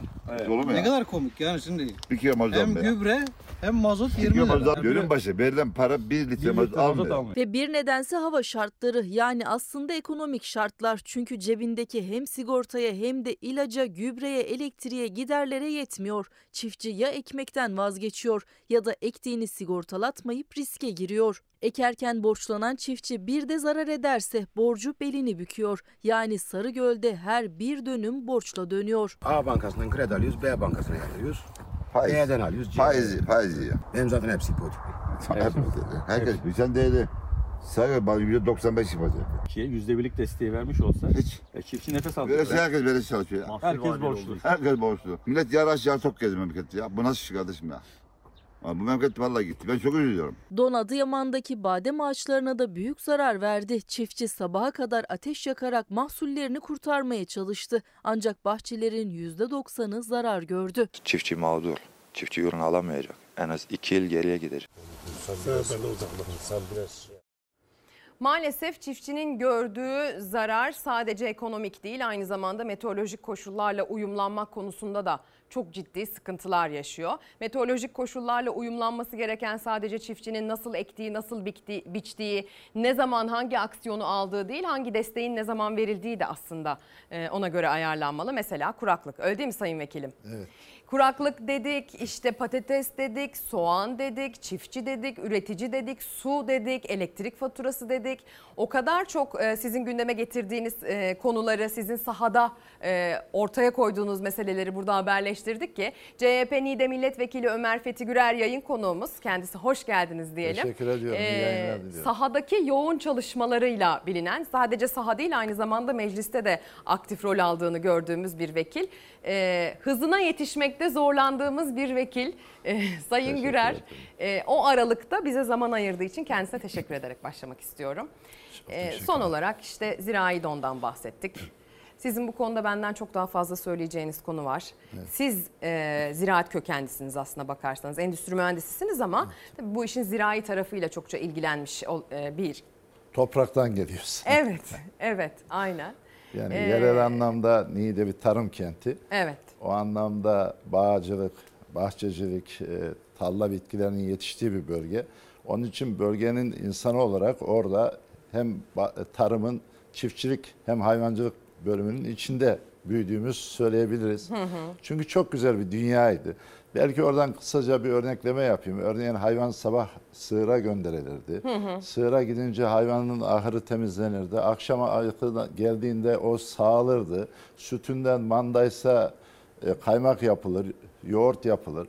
Ve yaşam farklı bir zenginlikle sürerdi. Biz o dönemlerin çocukları olduğumuz için geçmişi biraz özlemle anıyor. Onun için de geçmişteki yaşananların, güzelliklerin bugün yok oluşuna da tepki gösteriyoruz. Yani aslında romantik bir nostalji duygusu vardır böyle. Geçmişi herkes anar ama içinde bulunduğumuz ekonomik durum artık işi başka bir boyuta Başka boyuta taşıdı. götür. Şimdi şöyle bir şey, tarım giydiren ve doyuran bir sektör. Hı hı. Tarıma önem vermeyen ülkeler ileriki aşamada sömürgeleşecek. Çünkü siz üretmezseniz başkasından ithal ürün aldığınız sürece o ülkelerin boyunduruğu altına girersiniz. 20 yıllık Adalet Kalkınma Partisi iktidarının temel çelişkisi tarımda ithalatçı bir yaklaşıma yönelmesi, çiftçiyi desteklemesi, üreticinin yanında olmaması. Bakınız son dönemlerde tarımda sorunlar yaşıyoruz. Doğrudur. Küresel ısınmayla tarımda sorunlar oluşacaktır. Bunun yanında işte e, savaşın etkisi vardır, pandeminin etkisi vardır ama siyasi iktidarın tercihi tarımda belirleyicidir. Siz eğer kalkar da sondan işi çözmek için uğraşırsanız sorun çözülmez. Geçtiğimiz günlerde Sayın Cumhurbaşkanı Tokat'a gitti. Somut bir örnek. Orada çiftçilerle buluştu dediler. İki tane çilekçi, iki tane hayvancı, buğday ve şeker pancarı üreticisi yoktu. Ama hayvan üreticisi, hayvan yetiştiren kadın çok güzel bir şey söyledi. Sayın Cumhurbaşkanım dedi, yem fiyatları deyince Cumhurbaşkanı ne dedi? Ya dedi bak hayvan varmış, hayvanını alalım. Hiç yemden söz etmedi. Şimdi esas olan ana yem. Eğer siz orada yemi görmez de üreticideki hayvan alayım derseniz sorunları çözemezsiniz. Yaklaşım böyle olduğu için de Yüzeysel mi diyorsunuz? kesinlikle sorunlar katlıyor. Bakınız gübrede Sayın Cumhurbaşkanı dedi ki işte gübrede yüzde otuz indirim yapıyoruz. Ne zaman söyledi? Şubat ayında. O dönemde e, burada rakamsal da vereyim 5400 liraya inmişti e, can gübre. Bugün 7700 lira. Geçen yıl 1160 liraydı. Siz çiftçinin girdi maliyetini düşürmezseniz o çiftçinin ürettiği ürünün maliyeti düşmez. O maliyet artarken bir de siz elektriğe, doğalgaza, e, mazota sürekli zam yaparsanız Bugün yine geldi. sonra da markette fiyat ucuz olsun derseniz kendinizi aldatırsınız. İşin özünden başlamak lazım. Çiftçiye, besiciye gerçekçi destekler verirseniz sorunu çözersiniz. Şimdi hayvancılık yapan yurttaş eğer bir kilo e, karkas et sattığında 25 kilo yem alamazsa o işi sürdürmez. 1 litre süt sattığında Bir buçuk. bir buçuk kilo yem alamazsa işi sürdürmez. 1 kilo yumurta sattığında 3-3,5 kilo yem alamazsa sürdürmez. 1 kilo tavuk sattığında 4 kilo yem almazsa sürdürmez. Bu işin Çünkü matematiğini artık hepimiz öğrendik. olarak bunu ya bile bile hala siz yem fiyatlarını ki bugün de Türkiye ne yazık ki yemin e, 13 milyon ton yıllık yem ithal ediyoruz. İthal ettiğimiz yem nedir? Soya, mısır, pamuk tohumu küspesi, ayçiçek tohumu küspesi, arpa. E bunları üretemeyen bir ülke misiniz? Üretim planlamanız olmazsa, öngörünüz bulunmazsa, günlük e, tarımı sürdürmeye kalkarsanız bu iş yürümez. Kaç yıllık bir planlama yapılmalı ya da gelişmiş ülkeler bunu kaç yıl üzerinden En planlıyorlar? az 5 yıl. En az 5 5 yıl. Ayrıca Türkiye biliyorsunuz IMF'nin Dünya Bankası'nın reçetelerine uydu. Ee, önce doğrudan destek sonra da alan desteğine dönüşen destekler veriyor. Bu destekler çok çiftçiye faydalı olmuyor. Çiftçiye diyecek ki bir yıl önceden sen şu şu, şu ürün ektin de arkadaş. Bu üründen senin kazancın şu olacak. Zararın varsa devlet olarak ben karşılayacağım. Yani garantili çiftçiye üretim yaptırır hale getireceksin. Çiftçi sana inanacak, güvenecek. Bugün siz buğdayı Türkiye'de çiftçiden taban fiyat 2250 liradan ekmeklik buğdayı alırsanız sonra kalkar bu yılın başından bugüne kadar daha hasat biliyorsunuz Mayıs'ta başlayacak.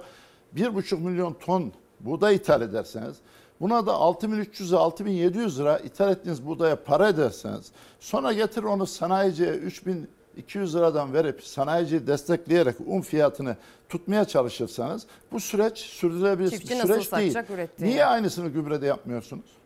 Niye gübreyi yarı fiyatına indirmiyorsunuz? Sübvanse edip de çiftçiyi desteklemiyorsunuz.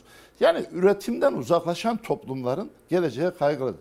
Bakınız Rusya'daki e, Ukrayna ile ilgili savaş. Akılda mantıkta var mıydı? Böyle bir şey olabilirliği yoktu. Oldu. Olunca ne oldu? Bir dönemler bizden buğday alan Rusya'nın buğdayına biz mahkum olduğumuz için ya da Ukrayna ve Rusya bölgesinden bitkisel hamya getirdiğimiz için fiyatlar katladı.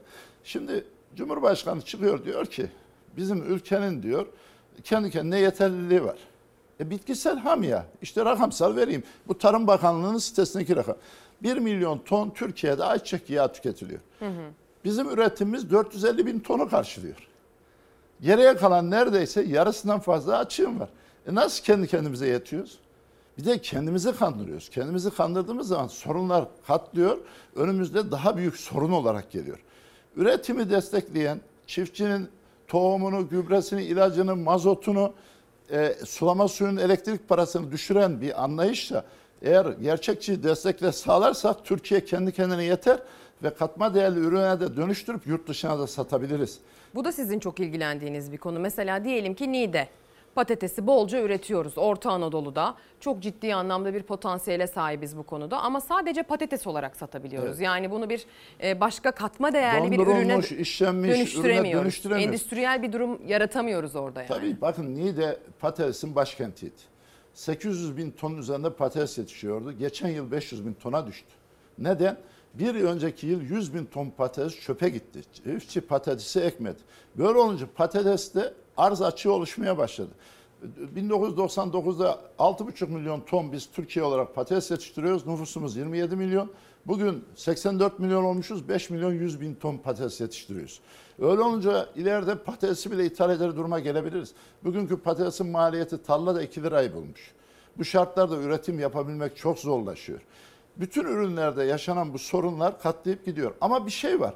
Ortada bir de gözle görülen büyük bir yanlış var. O da şeker. Şeker açığımız, şeker pancarında sorunumuz yoktu. Bu iktidar özelleştirme mantığıyla onu da sorunlu hale getirdi. Baktın geçen yıl çiftçiden 420 liradan tonunu şeker pancarını aldılar. Sonra çiftçi Eylül'de ürünü fabrikaya teslim etti. Fabrikalar işlemeye başladı. Sonra çiftçi gitti hayvanla küspe alacak. Dediler ki küspe 600 lira tonu. Ya dedi ben pancarı 420 liradan verdim 600 liradan küspe alıyorum. Özelleşti ya fabrikalar. Hı hı. Bir şeker pancarından ne elde edilir? Melas elde edilir, alkol elde edilir, şeker elde edilir, küspe elde edilir. Fabrika bunun dördünden de para kazandı. Sonra üretimini Aralık ayına kadar tüm fabrikalar bitirdi. Aralık ayından önce bir %25 zam gelmişti. Şimdi gelen zamla bir yıl öncesi 50 kiloluk çuval 225 lirayken şu anda 570 lira. Bu Türk şekerde. Özel sektör daha yüksek. Buradaki olay da şu. Fabrikalar özelleştirilen fabrikaların kar marjını taviz vermeden yükseltmek istiyorlar. Bu yıl için daha pancar yeni ekiliyor. 1100 lira taban fiyat açıklandı. Diyor ki özel fabrika ben o zaman Eylül'de üreteceğim ürüne bugünkü taban fiyatı daha çiftçiye ödemediğim parayı çıkarayım.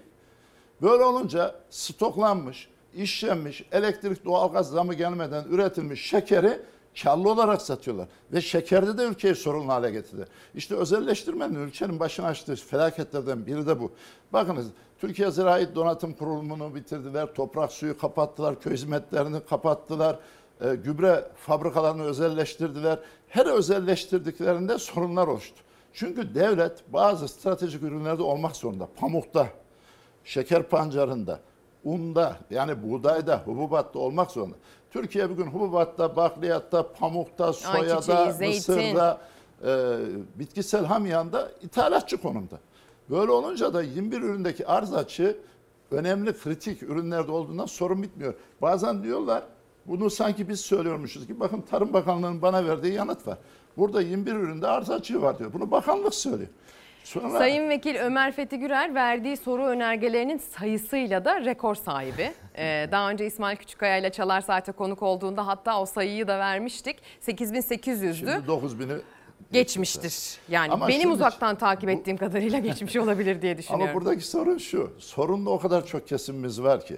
E, tarımı neden önemsiyoruz? Hava gibi, su gibi. Evet. Yaşam kaynağımız. Bugün eğer tarımın ürettikleri olmasa yaşam denilen kavram da olmaz. Çünkü eğer kendinizi doyuramazsanız, giydiremezseniz yaşamdan koparsınız. Onun için tarımı çok önemsiyoruz. Ve ayrıca üzüldüğümüz şu. Bu ülkenin kendi değerleriyle tarımda ithalatçı değil, ihracatçı olabiliriz. Bakınız tarım sayımı 2001 yılından beri bu ülkede yapılmıyor. Öyle olunca veriler de gerçekçi değil. Şimdi bir rakamsal olarak bakıyorsunuz. Devlet Su İşleri 28 milyon hektar tarım arazisi var diye son e, bütçedeki dağıttığı kitapçıkta yazıyor. Cumhurbaşkanlığı stratejik belgesinde 23 milyon 100 bin yazıyor. Arada 5 milyon hektar tarım Ülke arazisi kaybolmuş. Öyle olunca veriler sağlıklı değil. TÜİK bu sayımı yapması lazım. Önce gerçekçi olarak nelerin olduğu görülmesi lazım. Geçtiğimiz günlerde Tarım ve Orman Bakanlığı apar topar ülkedeki hayvan varlığının sayımına çıktı. Ee, özünde bu iş TÜİK'in görevi. Türkiye'de sayım gerçekçi olmadığı için rakamlar bilinmiyor. Diyoruz ya biz gidiyoruz ahıra, bakıyoruz orada hayvanını satmış, ahır boş. Gebe hayvanlar kesime gidiyor. Süt inekleri kesime gidiyor. Sütü Rakamsal olarak düşüyor. edeceğiz. Ee, Şöyle bir şey var Ezgi Hanım. 1960 yılında nüfusumuz 27 milyon, hayvan varlığımız 73 milyon toplamda. Kişi başına 2.8 yaklaşık 3 tane hayvan düşüyor. Bugün nüfusumuz 84 milyon, hayvan varlığımız yine 74 milyon. Kişi başı Bir bir, tane değil. düşmüyor. Şimdi bu süreci yaratan siyasi iktidarların olaylara bakışı. Eğer siz 2006 yılında bir tarım kanunu çıkarmışsanız, çiftçiye milli gelirin yüzde birini vereceğim diyorsanız verin arkadaş. Niye vermiyorsunuz? Sayın Genel Başkanımız geçenlerde gene söyledi. 229 milyar çiftçinin alacağı var. Çiftçinin bu alacağı verirse bugün yaşadığımız sorunları yaşamayız. Çiftçi Eğer- refah içinde yaşasa Kesinlikle çiftçi refahını sağlamadan, hayvan refahını da sağlamadan sorunları çözme şansınız yok. Ha önermelerde de bulunuyoruz. Çözüm yolları da belli. Cumhuriyet Halk Partisi olarak eleştirdiğimiz her konu içinde alternatif çözümler söylüyoruz. Örneğin kooperatifçilik. Türkiye'de kooperatifçiliğin içi boşaltılması da geliştirseydi bugün yaşadığımız pazarlamada ve üretimdeki sorunların çoğunu yaşamazdık. Ben daha önce de söyledim. Çukobirlik'te çalıştığım yıllarda Çukobirlik pamuğu alıyordu. Ne yapıyordu? Çırçırdan sonra geliyordu iplik fabrikasına. Orada işleniyordu. Katlama bükümden çıktıktan sonra da kumaşa beze dönüşüyordu. Ama başka bir şey oluyordu. Çekirdeğinden yağ elde ediliyordu. Hı hı. Ayrıca küspe elde ediliyordu. Çukurova bölgesi pamuk yağı kullanırdı. Şimdi koskoca Çukobirlik diye bir kavram kalmadı. Ant Birliği, Tarişi, Fisko Birliği yani çiftçiye doğrudan destek sağlayacak kooperatifleri iyileştirme yerine yok ediyorsun. Özelleştirme mantığıyla tüketiyorsun. Sonra Tarım Kredi Kooperatifini marketçiliğe sevk ediyorsun. E bunları çiftçiye destek veren, onların ilk aşamada üretimden başlayarak pazarlamaya kadar ki zincirini sağlayan kuruluşlara döndürsene. Aklın yolu bir. Gelişmiş zincirin ülkelerde birbirini kaybetti yani. Kesinlikle gelişmiş ülkelerde bakıyorsunuz. Bu iş böyle yapılıyor. Niye ülkemizde kooperatifçilik yok ediliyor? Bakınız o kadar e, tarıma yönelik birlikler var. Bunların e, farklı fonksiyonları var. Bunları birleştirip kooperatifleştirmeyi geliştirseniz mevcuttaki sorunların önemli bölümünü çözersiniz. Toplulaştırmayı kanun çıkarmışsınız, bitirememişsiniz. Miras yoluyla bölünen topraklardan dolayı toplulaştırmada sorun var. Sulama suyu sorununu bitirememişsiniz. Bir kapı yapamamışsınız. Kap eğer bugün sonuçlansa Türkiye'nin böyle bir sorunu kalmaz. Kalkıp İstanbul'a kanal açmaya kafaya yoruncaya kadar Fırat Nehri'nin Karacasu kolunun Kızılırmak üzerinden Kop bölgesine İç Anadolu'ya getirilmesi için 1908 1989'da Devlet Su İşleri e, bir proje geliştirmiş. O proje rafta kalmış. En büyük sorunlardan biri sulama suyu. Niye? Bir dönümde kuru tarımda 270 kilogram ürün alıyorsun. Sulu tarımda buğday olarak 800 kiloya yakın ürün alıyorsun. Öyle olunca verimlilikle açığı da kapatabilirsiniz. Geçtiğimiz yıl işte kuraklığın etkisiyle Türkiye 17,5 milyon ton buğday üretti.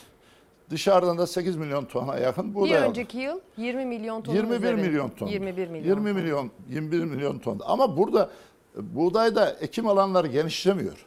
Buğdayda 11 milyon hektar tarım arazimiz 7 milyon hektara gerilemiş. Sorun alan genişlemiyor, verimlilik artıyor. Demek ki verimlilikle de kısa sürede açığımızı giderebiliriz. Ama olması gereken öncelikle çiftçinin yaptığı işte mutlu olması lazım. Para kazanması lazım ki bu işi sürdürsün. Gerek hayvancılık yapan da, besicilik yapan, süt inekçiliği yapan. E şimdi adam kazandığı parayı götürüp bankaya kredi borcunu ödüyorsa mutlu olabilir mi? Geçenlerde bir köye gittim. Dedi ki çiftçi kardeşimiz ben sayın vekilim dedi. Giderdim pancarı satardım. Ondan sonra evime işte kumaş alırdım, yiyecek alırdım. Çocuklar bandırma derler bizim orada. Bandırma tatlısını alırdım, mutlu dönerdim. Şimdi diyor gidiyorum parayı alıyorum koşa koşa bankaya, Bankaya. gidiyorum ki borcumu ödeyeyim. E siz çiftçinin üretim araçlarını hazrederseniz, çiftçinin kredi borçlarının faizlerini silmezseniz, çiftçiyi mutlu edecek, kendisini bu işin içinde tutacak destekleri sağlamazsanız sorunu çözemezsiniz.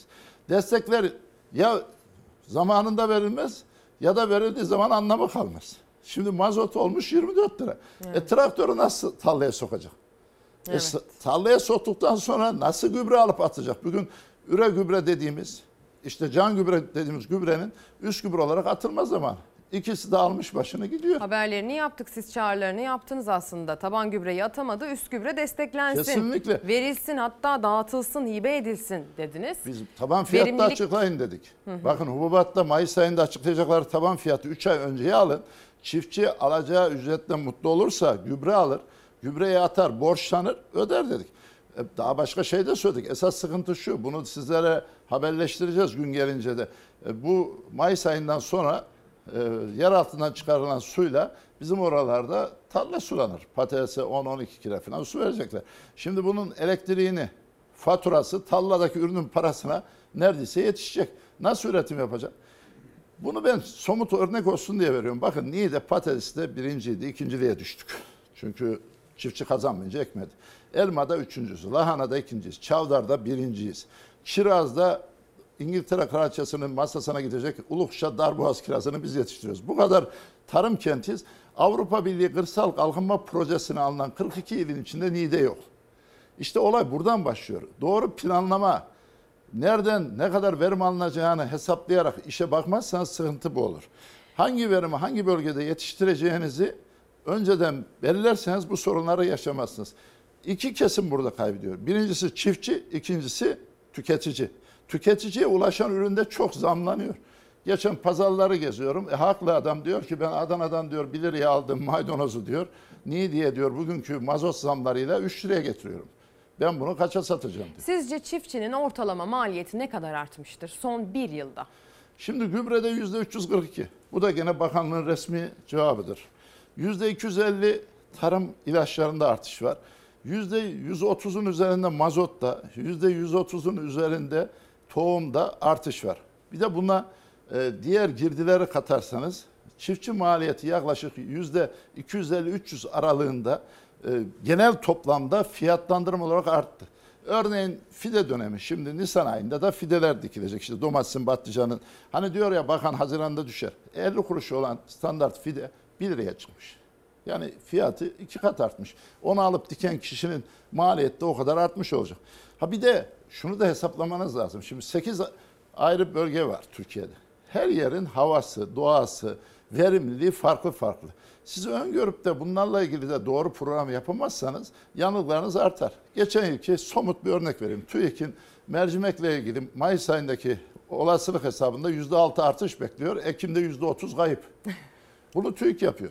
Yani TÜİK demişken TÜİK Mart ayına dair bir veri açıkladı. Çiftçinin üretim maliyetinin %84 arttığını söyledi. Tam da yeri gelmişken bu habere bir yer verelim. Sonra üzerinden konuşmaya devam edelim. Bakalım çiftçinin maliyeti devlet nezdinde ne kadar artmış?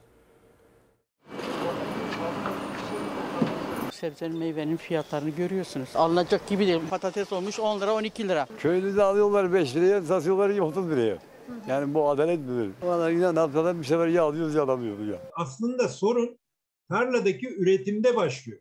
Eğer yeterli üretiminiz yoksa, üretim maliyetleriniz çok yüksekse doğal olarak oradan çıkan ürünün fiyatı da yüksek olacak. Çocuğa süt alacaktın, süt bilen sen alamıyor. Avunla alacaktım param olmadığı için. Çekmiyor mu? Vallahi yok. Ne almaya gelmiştin?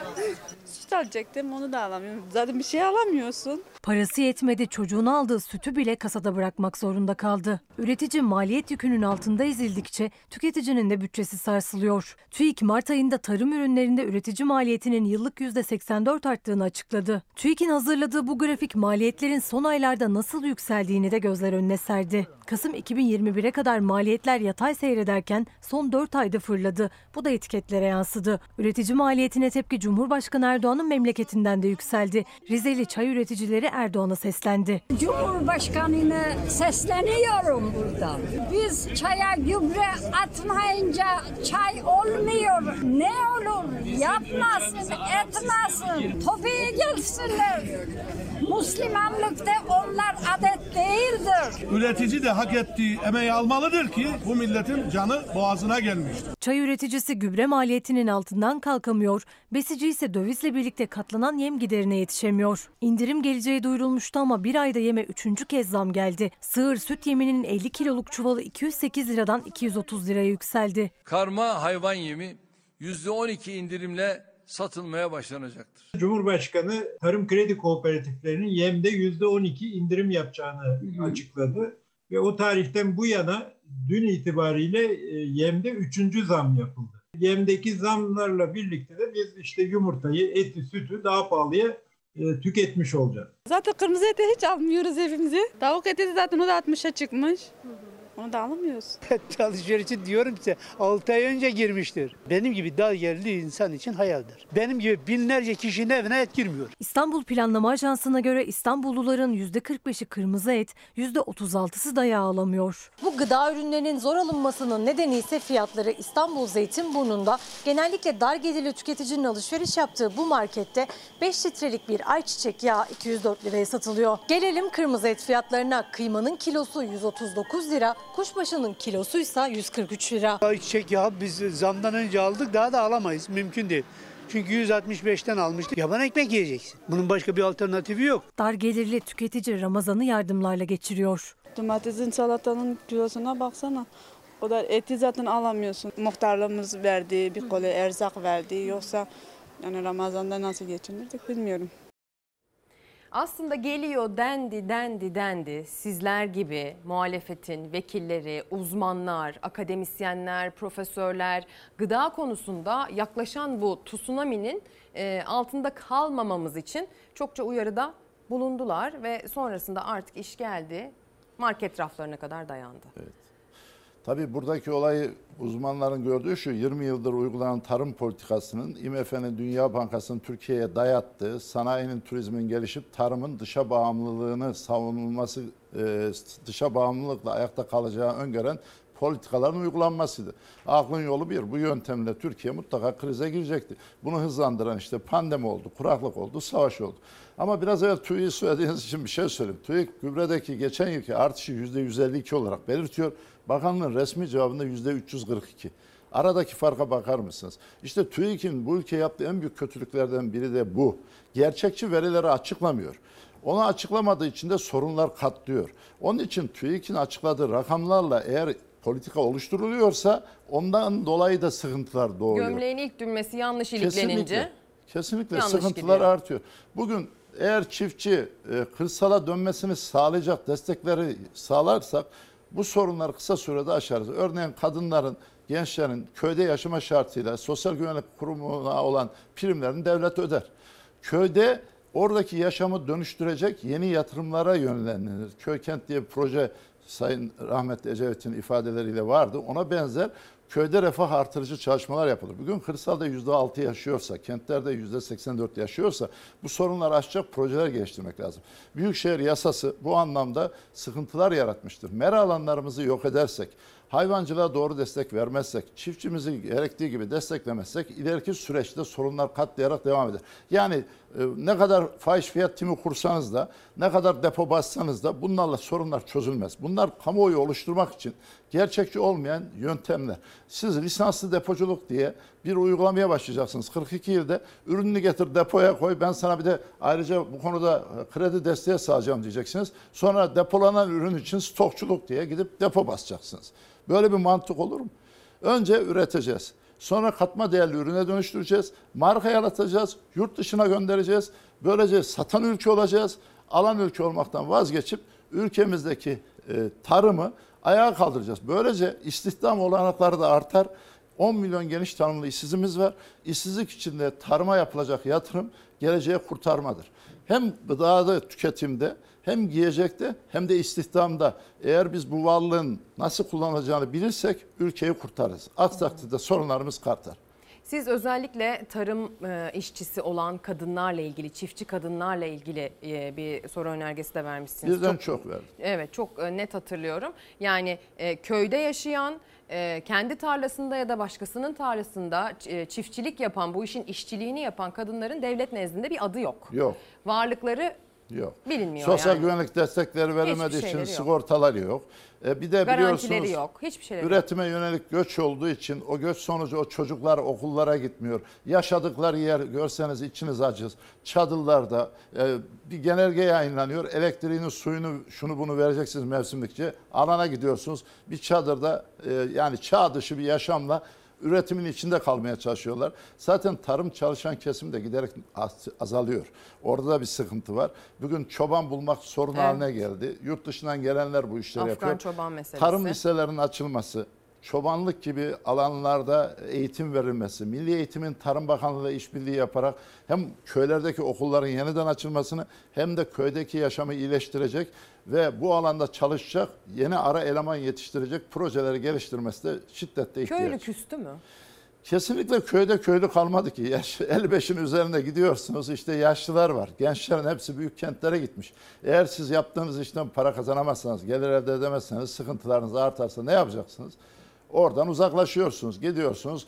Çarklar dönmüyor Çarklar çünkü. dönmüyor. Büyük şehre geliyor, olmazsa çöplüklerden kağıt toplayarak geçim sağlamaya çalışıyor.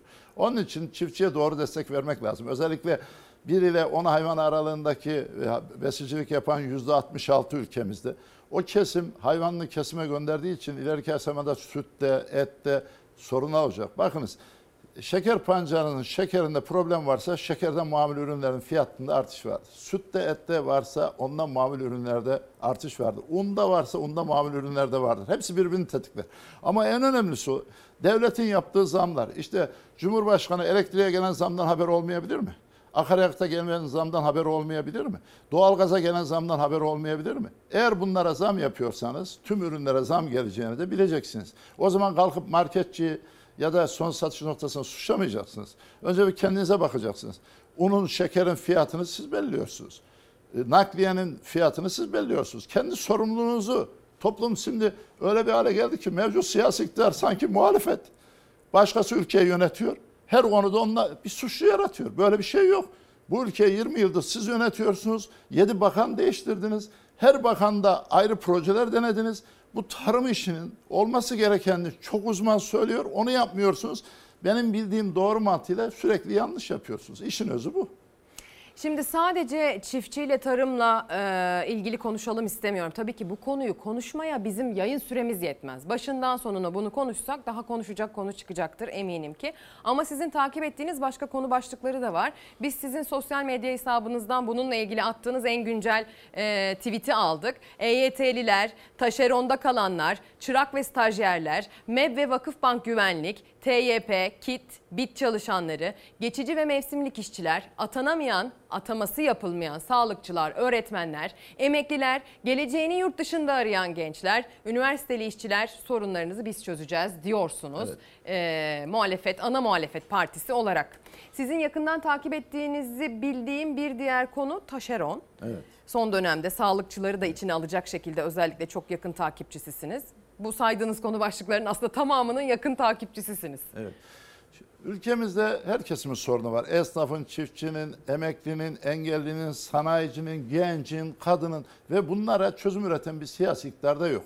Örneğin çalışma yaşamında modern köleliğe döndürdüler. Ucuz iş gücü ve e, vasıfsız elemanla sorunları daha da karmaşık hale getirdiler. Bakınız emeklilikte yaşa takılanlar Türkiye'nin en çok konuşulan konularından biri. 1999'da bir kanun çıkıyor, çıkarıyorsunuz. O güne kadar birim ve gün e, e, tamamlayanların emekli olduğu düzene yaş getiriyorsunuz ve 58 yaşından önce emekli olamazsınız diye getirdiğiniz düzenlemeyi geriye doğru işletiyorsunuz. Binlerce mağdur yaratıyorsunuz. Ama Adalet Kalkınma Partisi'nin 20 yıllık iktidarında bunun çözümcü bir anlayışı yok. Çünkü 2006 yılında Adalet Kalkınma Partisi bununla yetinmemiş bir kanun daha çıkarmış. Orada ne yapmış? 2019'dan sonra işe girenlerin 65 yaşında emekli olmasının kararını almış. Yani bugün 58 yaşında emekli olacağım diye uğraşanlar sorun yaşamaya başladığı zaman gördüler. Ama bundan sonraki emeklilik yaşı 65'e çıkardı Adalet Kalkınma Partisi. Ayrıca aylık bağlama oranını değiştirdi. Aylık bağlama oranı kat sayısı %70'ti. Bunu %40'ın altına çekti. Böylece emekli maaşları ciddi anlamda düşüşler meydana geldi. Bugün emekliye 1500 liradan 2500 liraya çıkardık diyorlar ama esas emekli eğer 2008'de bu düzenleme yapılmasaydı bugün en düşük emekli maaşı 4250 lira olacaktı.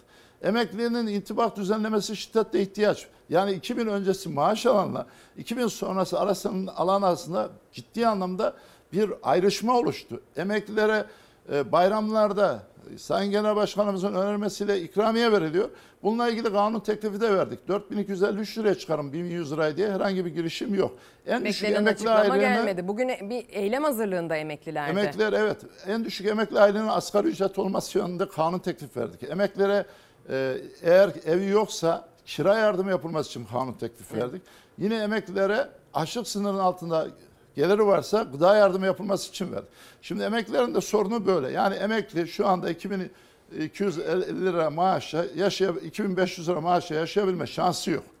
Onun için emekliyi de toplum yararına çalışanı da, taşeronu da, milli eğitim çalışanı da bu tür mağdur olan her kesimi de gündeme getiriyoruz. Bakınız burada belirttiğim için söyleyeyim. Şu taşeronda kalanlar, hastane bilgi işlemciler, sağlıkta, görüntüleme merkez çalışanları, kamuda kiralık araç şoförleri, yemekhane çalışanları, sosyal tesis çalışanları taşeron firmalarda kaldı. Karayollarında 14 bin işçi taşeronda o yolları yapıyor kışın çamurda, yazın sıcakta çalışan işçiler. Gene karayollarında müşavirlikte çalışanlar yüzde 70 hizmet alım sözleşmesine takılan yüzlerce işçi taşeronda kaldı. Devlet demir yollarında PTT'de 17 bin kişi Ulaştırma Bakanlığı'nın diğer bölümlerinde var. Keza e, ormanda var, tarımda var, şeker fabrikalarında 20 yıla yakındır geçici işçi olarak çalışanlar var. Ayrıca belediyelerde 6 ay çalıştırıp işten çıkaran geçici ve mevsimdeki işçilere kadro verilmedi. Onlar var. Milli Eğitim Bakanlığı'nda kadroya aldık dedikleri dörtlü eller var ki bunlar daimi işçi statüsünde 32 bin işçi her yıl Haziran'da işten çıkarılıyor. 2 ay sonra tekrar arıyor. Sürekli işçi kadrosuna alınmadı. Bunlar var. Bunun yanında belediye iktisadi teşekkürlere alınan 400 bin işçi var. Bu 400 bin işçinin 4 değerli olarak özlük hakları verilmedi. Belediye kadrosuna alınmadığı için mağduriyetleri var. Herkesin Say, ciddi say bitmiyor. anlamda sorunlu. Vakıf Bank'ta güvenlikçiler var. Basit bir örnek. Ziraat, Halk Bankası, Kamu Bankası onlara kadro verildi. Bunlara ka- kadro da verilmedi. Sıkıntı bu kadar büyük. Ben sizin son sözlerinizi alacağım ama önce bir reklama gidelim. Reklamdan sonra alayım. Böyle sıkıştırmak istemiyorum çünkü. Bir reklam zorunluluğumuz var şu anda. Bir reklama gidelim. Ee, Sayın Vekilimin say say bitiremeyeceği pek çok konu var. Ama biz e, önemli başlıkları seçerek öyle bir son nokta koyalım birlikteliğimize diyelim. Reklam sonra devam. Günaydın tekrar sevgili izleyenler. Çarklar dönüyor mu diye sorduk. Gelen mesajlar diyor ki pas tuttu çarklar dönmüyor diyor. Emekliye, EYT'liye çarklar dönmüyor diyen mesajlarınız geliyor. Konuğumuzla ilgili mesajlar var. Necla Hanım bir mesaj göndermiş. Ee, konuğunuz CHP NİDE Milletvekili Ömer Fethi Gürer Tarım Bakanı olacak adam iyi yayınlar demiş. Günhan Bayrak hemen üzerinde e, Sayın Ömer Fethi Gürer Tarım Bakanı olsa diye yazmış yollamış. Bir de tabii ki Sayın Gürer'i burada yakalayan kendisinin takip ettiği konu başlıklarını da yakından bilen mağduriyet grupları var. Ee, bir izleyicimiz onlardan bir tanesi diyor ki e, MEB'de çalışan 30 bin güvenlik 32 bin, görevlisi evet. e, tekrar göreve gelecek mi? İşte tekrar 10 ay çalıştırılıp çalışabilecekler 2 ay çıkarılıyor. Daimi işçi statüsündeler. Bunların sürekli işçi olmaları için de kanun teklif verdim.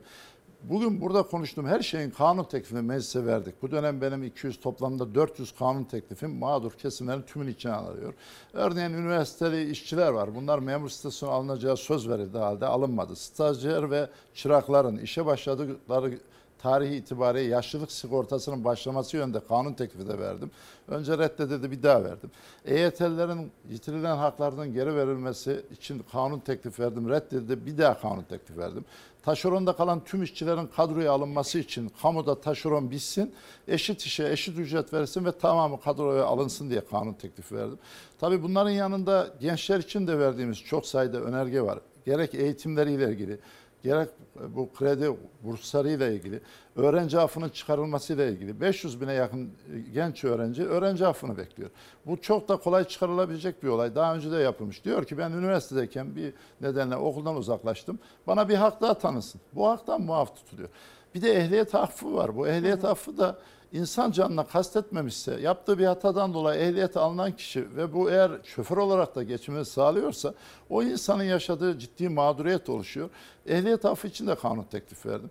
Bugün nakliyecisi, servisçisi, taşımacılık yapanı, şoför olanı bunların gerçekten sıkıntıları çok fazla. Esnaf deseniz Bağkur primini ödeyemeyecek duruma gelmiş. Siftahsız dükkan açıp kapayanlar var. Biliyorsunuz bu AVM'lerle çoğu yerde küçük esnaf yok edildi. Yani daha önceleri mesela gidip bakkalınızdan alışveriş yapıyordunuz, kasabınızdan alışveriş ediyordunuz. Onlar ortadan kalktı. Bunların ortadan kalkması yerel ürünleri de bir yerde ortadan kaldırdı. Kültürel bir değişim de yaşatıyor bize Kesinlikle. aynı zamanda. Yani Yaşam AVM'ler şeklimiz, pratiğimiz değişiyor. AVM'ler bize bir dayatma olarak e, biliyorsunuz dünyada bu anlamda tekel oluşturan güçler getirdiler. Zincir marketlerini kurdular. Şimdi yerel ürün ne yapılıyordu? Bahçenizde yetiştirdiğinizde ya da hayvanınızdan sağdığınız sütten elde ettiğiniz yoğurdu götürüyordunuz. Kendi bakkalınızda ya da onun olduğu bölgede satabiliyordunuz.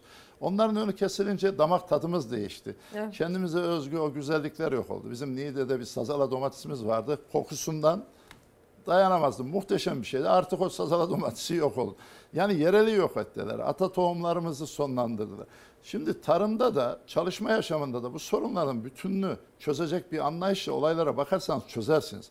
Ama Cumhurbaşkanlığı hükümet sisteminin bir özelliği tek kişiye dayalı bir sistem ve liyakat ortadan kalkınca da önermede dahi bulunamayacak hale geldiler. Bakan dediğiniz memur olarak görev yapıyor.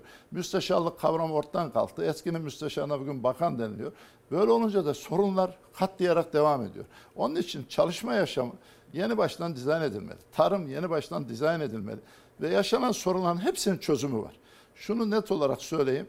Cumhuriyet Halk Partisi'nin tarım programı da çalışma yaşamı ile ilgili düzenlemeler de ülkelerin sorunlarını çözmeye yetecek önermeler içeriyor. Bakınız e, kesinlikle biz EYT sorunu çözeceğiz. EYT sorunu Cumhuriyet Halk Partisi iktidarında olmayacak. Taşeron kadroya geçemeyen işçilerin kadro hakkı verilecek. Eşit işe eşit ücret sağlanacak. Sendikal örgütlenmenin önü açılacak. Eğer siz Türkiye'de sendikal örgütlenmenin önünü açmazsanız, örgütlü toplum olmazsa sorunlar daha da artar. Tıpkı kooperatifçilik gibi.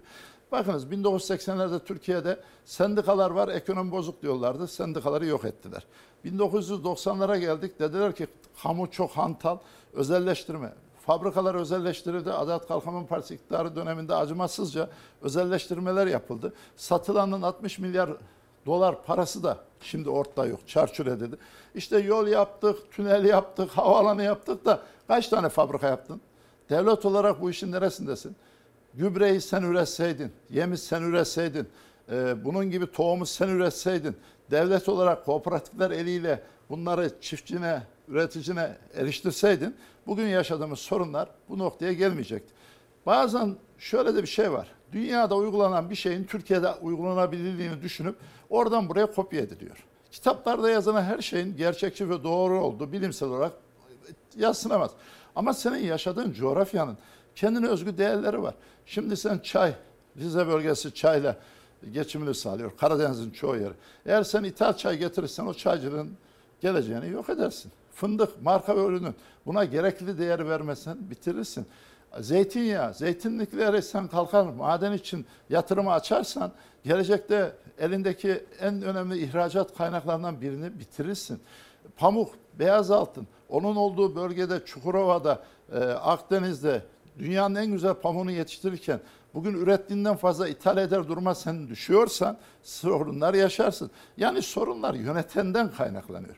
Türkiye'de ciddi bir yönetim boşluğu var. Bu yönetim boşluğu ortadan kaldırdığında ortak akılla sorunlar kısa sürede çözülür. Önceliğiniz şu olacak. Önceliğiniz yoksullar, yoksullaşan kesim olacak. Bugün açlık sınırı altında ücretle emekliyi, asgari ücretli yaşatmak zorunda bırakıyorsunuz. Biz diyoruz ki 6 ayda bir asgari ücreti düzenleyin. Ha diyorlar ki Aralık ayında düzenleniyor. O günün ihtiyaçları bugünün ihtiyaçları farklılaştı. Yoksulluk sınırı altında yaşayan milyonlar oluştu. Geniş tanımlı 10 milyon işsizin dışında 2,5-3 milyon üniversite mezunu işsizimiz var. Atanamayan öğretmenleri, sağlıkçıları, mühendisleri düşünüyor musunuz? Ziraat mühendisi işsiz, gıda mühendisi işsiz, veteriner işsiz. Çok enteresan endüstri mühendisi üretim, planlama, yönetim demektir. Yani bir yerde sonuç alacaksanız orada endüstri mühendisi olacak. Endüstri mühendisi olmadığı yerde sonuçta tam anlamıyla ortaya çıkmaz. Benim de meslektaşlarım olduğu için. Onlardan bile işsiz var. akıl alacak iş değil. Yani bir ülkenin endüstri mühendisi işsiz kalıyorsa demek ki müthiş bir tıkanma var. Şimdi Sayın Nebati dinlerseniz her şey güllük gülistanlık. Çarklar dönüyor dedi bugün kendisi, de çarklar, de. çarkların döndüğü dönüyor da o çarkların nasıl döndüğünden haberi yok. Sanayiciye gidin dinleyin. Sanayici de bu ülkede dert. Şimdi sanayiciye de devlet desteği lazım. O zaman nasıl bir yönetim? Güçlü devlet, güçlü yönetim, sorunları dinleyin, dinleyen bir anlayış ihtiyacı var bu ülkenin.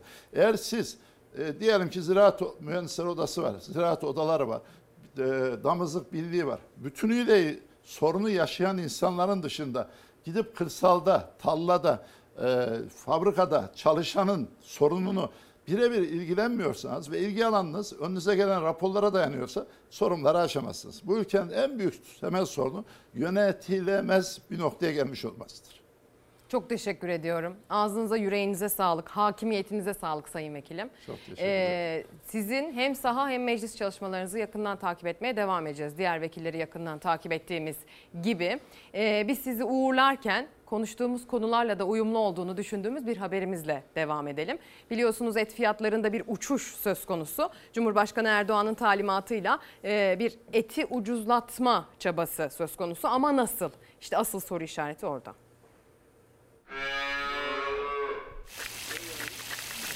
Cumhurbaşkanı Erdoğan'ın talimatıyla ucuz et çalışması tamamlandı. Öncelikle Et ve Süt Kurumu'nun karkas kesim fiyatları artırılacak. Hayvan başına da 2500 lira prim ödenecek. İzmir Kırmızı Et Üreticileri Birliği'ne göre bu destek geçici. Sıkıntı destekleme süresi bittiğinde de devam edecek. Ve bu yıl büyükbaş kurbanlıkların fiyatı 60-70 bin lira. Küçükbaş kurbanlıklarınki ise 3-4 bin lira olabilir. Besiciye verilen 2500 liralık destekle besicinin maliyeti 83-84 lira olarak belirlendi diyor İzmir Kırmızı Et Üreticileri Birliği. Destekleme 17 gün sürecek ve bu süre içinde tüketicinin belki daha uygun fiyata kırmızı et tüketmesi mümkün olacak. Ancak sonrasında yine başa dönecek etiketler. Artan yem fiyatları nedeniyle besici anaç hayvanlarını kesime götürecek. Et ve süt arzında yeniden sıkıntı başlayacak. Artan maliyetler kurbanlıklarında fiyatlarını katlayacak. Büyükbaş kurbanlıkların fiyatının 60-70 bin lira, küçükbaş kurbanlıkların fiyatlarının ise 3-4 bin lira olabileceği öngörülüyor. İyi Parti Tarım ve Kırsal Kalkınmadan sorumlu Başkan Yardımcısı Ergin Kahveci ise başka bir noktaya dikkat çekiyor. Destek 270 kilogram ve üzerindeki erkek danalar için geçerli. Oysa bu kriteri sağlamak her üretici için mümkün değil. Fakat 270 kilogramda da bir problem var. Şöyle bir problem var. Türkiye'deki karkas ağırlık ortalaması küçük işletmelerin, aile işletmelerinin veya yüzbaşı altındaki işletmelerin bu karkas ağırlığını tutturmaları mümkün değil. Kahveci desteklerin bütçesinin de 2022 bütçesinden yapılmaması gerektiğini söyledi. Üreticinin bir an önce rahatlayabilmesi içinse ödemelerin gecikmemesi şart. 240 kilogram üzerine bu uygulamanın yapılmasına dairdir. Bu önerimizin de dikkate alınacağını umut ediyoruz. Ödemelerin süt primleri gibi 3 ay, 4 ay, 6 aylık süre içerisinde yapılmaması, en geç 32-35 gün içerisinde yapılması. Daha önemli bir şey var. Bu ödemelerin 2022 bütçesi içerisinden yapılacağı söyleniyor. Yani 29 milyarın içinden yapılacağı söyleniyor. Bunun 29 milyarın içinden yapılmaması gerektiğini, ek bütçe alınması gerektiğini söylüyoruz. Pek çok mesaj geliyor. Sayın Ömer Fethi Gürer'e yönelik onun takip ettiği konu ve e, durumlara yönelik de mesajlarınızı göndermeye devam ediyorsunuz sevgili izleyenler.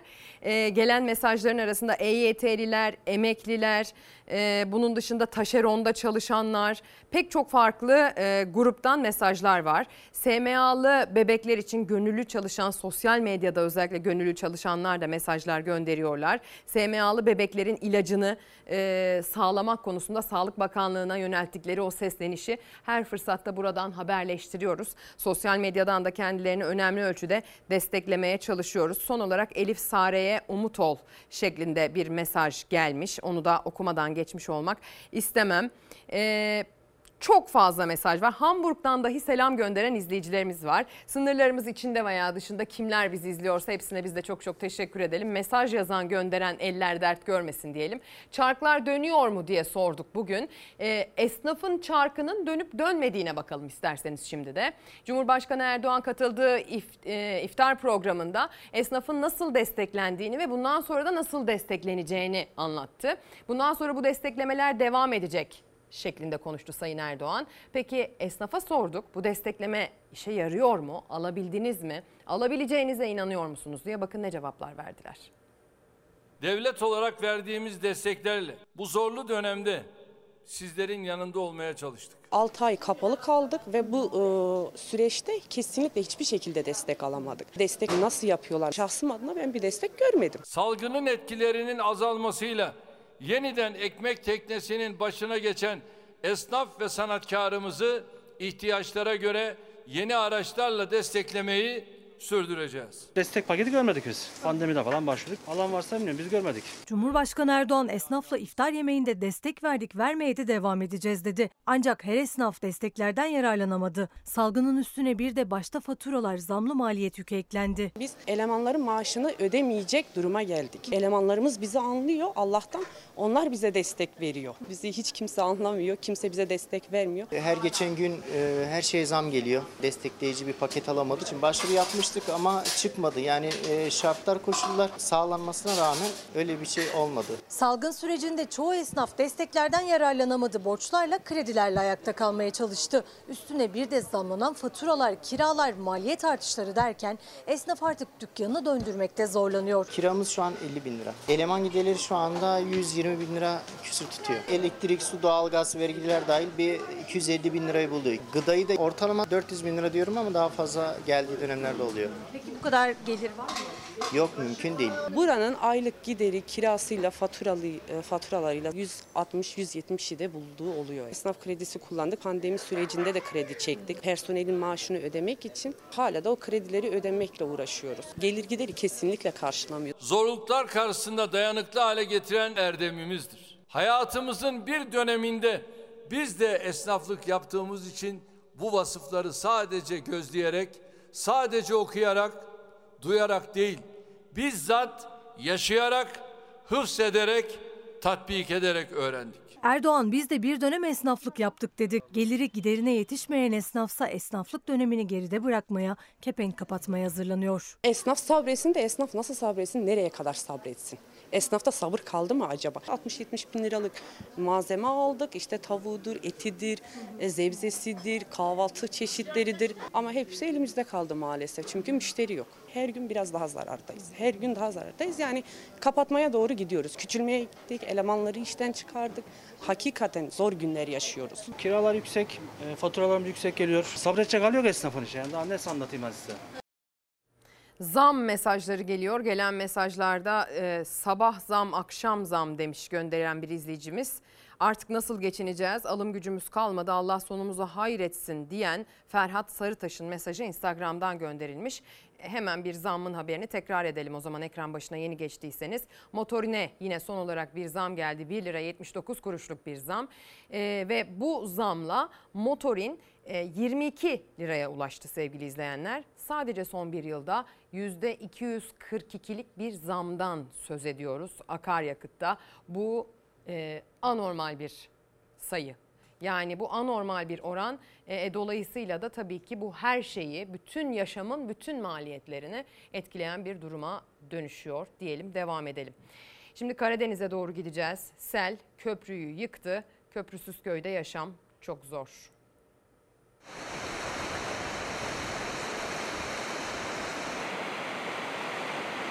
Yaklaşık iki aydır burası böyle bu durumda. Geçici köprü yaptılar gördüğünüz gibi. Daha önce bir köprümüz vardı. Geçici köprü de bu hale geldi. Kar suları eridi, taşkına neden oldu. Suyun şiddeti köprülerini yıktı. Köylü mahsur kaldı.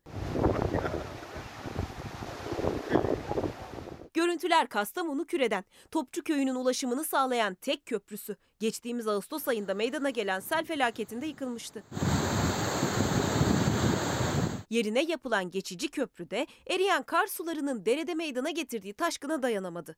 Köylüler köprünün iki ay önce yıkıldığını ve mahsur kaldıklarını söylüyor. Daha orman yollarından 7 kilometre orman yolu giderek patika yolu ulaşımı öyle sağlıyoruz şu anda. Gördüğünüz, gördüğünüz gibi şu anda e, halat sistemiyle e, biz bu yardımlarımızı birbirlerimize ulaştırıyoruz. Karşı, karşıdan vatandaşlar bize iple salıyor. Biz buradan teleferik sistemi elle icat ettiğimiz teleferik sistemiyle köyümüze ulaşımı ve şu anda kumanyamızı, erzakımızı ulaştırmak zorundayız. Yaklaşık 300 kişinin yaşadığı köyde vatandaşın hayatla bağlantısı halata bağlı bir varil. AFAD ekiplerinin desteğiyle kurulan bu düzenekle hem ihtiyaçlarını gideriyor köylü hem de hastalarını hastaneye ulaştırıyorlar. Ama bu düzenek köylünün yem, saman gibi ihtiyaçlarını karşılamaya yetmiyor. Sevgili izleyenler, köylünün, çiftçinin özellikle durumunu da yakından takip etmeye gayret ettiğimizi artık biliyorsunuz diyelim. Yazılı basının gündemini, nabzını tutmaya devam edelim. Bir gün gazetesinin manşetini okuyarak sürdürelim bunu. Bu pozlarınızı gençler yemez başlığını atmış, manşetini atmış bugün bir gün. Seçim hamleleri sürerken sayıları 13 milyonu bulan gençler iştah kabartıyor. Z kuşağı liderlerin boş vaatlerine kanmıyor. Seçim tartışmaları gündemden düşmezken iktidar ve muhalefetin gözü sayıları yaklaşık 13 milyonu bulan gençlerde. Seçimin zamanında olması halinde 7 milyonu aşkın genç ilk kez oy kullanacak. Bu da toplam seçmen içinde %12'lik dilim demek. Araştırmalar seçimin kaderini belirleyecek Z kuşağının kendilerini iktidar karşısında konumlandırdığını ortaya koyuyor. Ancak muhalefet de gençleri kazanmış değil. Liderler gençleri kazanmak için yeni taktikler peşinde demiş. Mehmet Emin Kurmaz, haber, Kurnaz haberinde gençlerin sandık tercihiyle ilgili bir grafik de paylaşılmış. %18'lik dilim fikrim yok demiş 15-22 yaş arası gençlerde.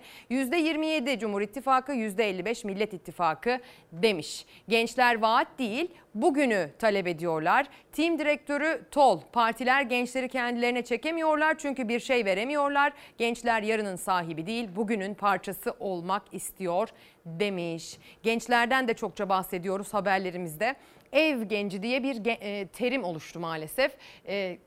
Sayfa sayfa kitapları bitiriyor, mezuniyet belgelerini alıyor, diplomalarını alıyor, yüksek lisansını yapıyor, MBA'ini yapıyor, yurt dışında gidiyor işte e, üzerine başka bir eğitim alıyor, kendine başka bir uzmanlık katıyor ama ülkesine döndüğü zaman iş bulamıyor gençler. Hal böyle olunca da e, çareyi yurt dışında kendilerine değer verilen ülkelerde aramaya çalışıyorlar.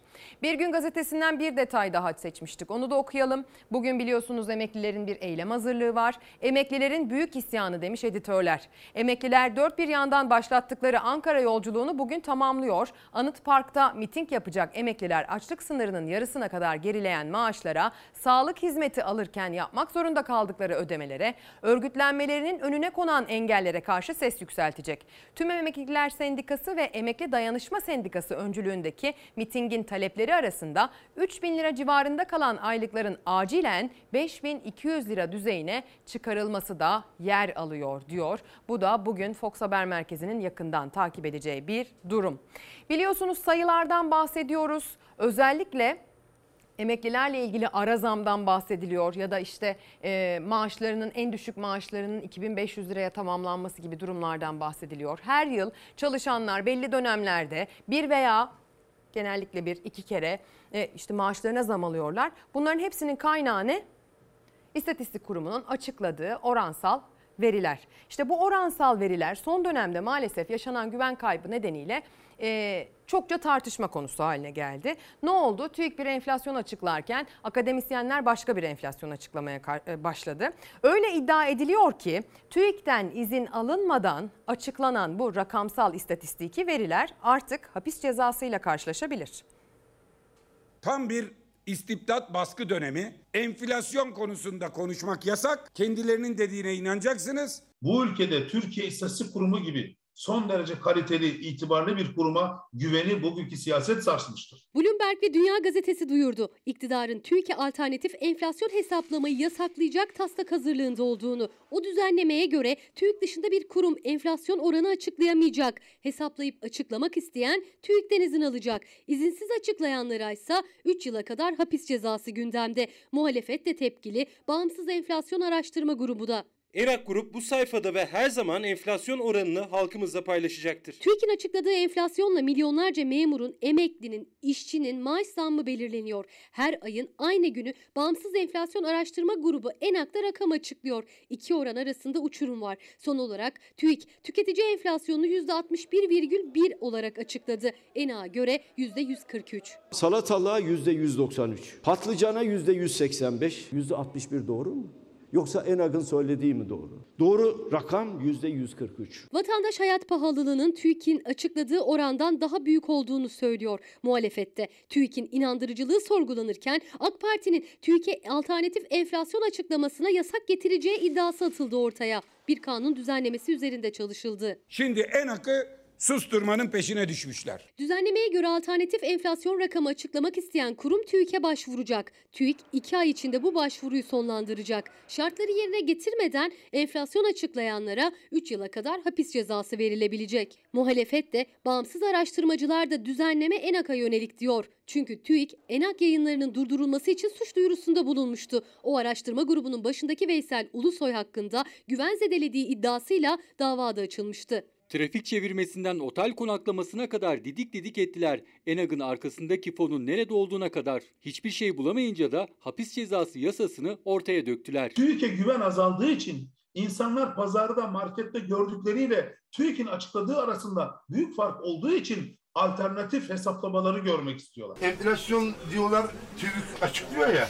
Hiç alakası yok. Adam %50'den bahsediyor. Biz %130 enflasyon veriyoruz. Ülkede çarşıya çıkamayan iki kişi var. Bu yasayla ikisinin de gerçek enflasyonu öğrenme imkanını ellerinden alacaklar. TÜİK alternatif enflasyon açıklamasının yasaklanacağına ilişkin iddiaya iktidar cephesinden bir açıklama gelmedi. Bu düzenleme hayata geçerse açlık ve yoksulluk rakamlarından işsizliğe kadar birçok veri açıklayan kurum ve kuruluşları da kapsayacak mı bilinmiyor. Adaletten eğitime kadar bir dizi veri açıklıyor. Bu konuyla ilgili çalışan sivil toplum örgütleri hepsini TÜİK'in denetimine bağlayacaklar. Bağımsız kuruluşların, bağımsız akademisyenlerin, üniversite kuruluşlarının da böyle bir iddia ile karşılaşması söz konusu. Tabii ki bunu da takipçisi olacağız. Korkusuz gazetesinde yer alan bir detay. Bugün başka gazetelerin de ilk sayfasında e, yer almış aslına bakarsanız. Türkler kira mağduru başlığı atılmış habere. Yasal oranın çok çok üstünde zam yapılıyor demiş editörler. İktidarın ekonomide pembe tablo çizmesine rağmen İngiliz haber ajansı Reuters Türkiye'deki kiralık konut krizini kaleme aldı. Pek çok kiracının ev sahibiyle sorun yaşadığını, ev sahiplerinin yasal oran olan 12 aylık ortalama tüketici enflasyonunun üzerinde zam yaptığını aktaran Reuters, kiracıların konutlardan zorla çıkarılmaya çalışıldığını da belirtti diyor. Kira bedelleri korkutucu boyutlara ulaştı haberinde. Peki bu ülkenin vatandaşı bu ülkede kendi vatanında yaşarken kira ödemekte böyle zorlanıyor ve bu yabancı ajansların dahi haber gündemine giriyorken yaşanan yabancıya konut satışındaki rekor patlamaya ne demeli? Ben sadece bir yabancı aileyi 6 tane Türk vatandaşlığına uygun tek bir hamlede, tek bir kalemde satış yaptım. Aynı kişiler şimdi ikinci e, yerlerini alıyorlar. Neden? Almak istiyorlar. Karşı daireniz 250 bin dolarken 400 bin dolara satıldığı zaman siz bir ev sahibi olarak evinizi daha ucuza satmak ister misiniz? Büyük satışlar yapıldı. E, halen daha devam ediyor. E, fakat gayrimenkul fiyatlarının artmasına da sebep oldu aslında. Yabancıların özellikle de Türk vatandaşlığı elde edebilmek için konuta gösterdiği ilgi TÜİK rakamlarına da yansıdı. Konut satışındaki artış Mart ayında önceki yıla göre %20, yabancılara konut satışındaki artışsa %31. Yılın ilk çeyreğinde 15 bine yakın satışla yabancıların aldığı konut sayısında rekor kaydedildi. 250 bin liradan 400 bin liraya çıkması bir şey ifade etmiyor. Bu sadece Türk alıcıların gayrimenkule ulaşımının önündeki engeli biraz daha arttırmış oldu. Türkiye Cumhuriyeti vatandaşlığına başvuru hakkı için konut değerinin 400 bin dolara çıkarılması emlak piyasasını yükseltti. Ancak gayrimenkul uzmanlarına göre fiyatlardaki artış yabancıyı etkilemiyor. Son 9 yılda 300 bine yakın konut satın aldılar. Bu sayının yarısından fazlası son 4 yıla ait. Yani vatandaşlık için konut değerinin 250 bin dolara düşürüldüğü yıllar. Avrupa yakasında komün hayatına geçmiş durumdalar. Tabelaların bu kadar fazla değişmesinin nedeni ya da işte oranın artık Türk mahallesinden çıkıp Arap mahallesi, Afgan mahallesi ya da Suriye mahallesi olmasının en önemli nedeni azınlıkta kalmamak için herkes neredeyse aynı yerlerden alım yapıyor. Bulunduğumuz emlak ofisi bundan 9 ay önce Üsküdar'da bir rezidansta bulunan 2 artı bir daireyi 3 milyon 600 bin liraya satmıştı. Bugünse yabancılara konut satışındaki limitin yükselmesinden sonra daire fiyatları da katlandı. Aynı daire Türk vatandaşlığına uygun başlığıyla 9 milyon 950 bin liradan satılıyor. Arada yüzde neredeyse 300 gibi bir fark var. Bunun nedeni ne?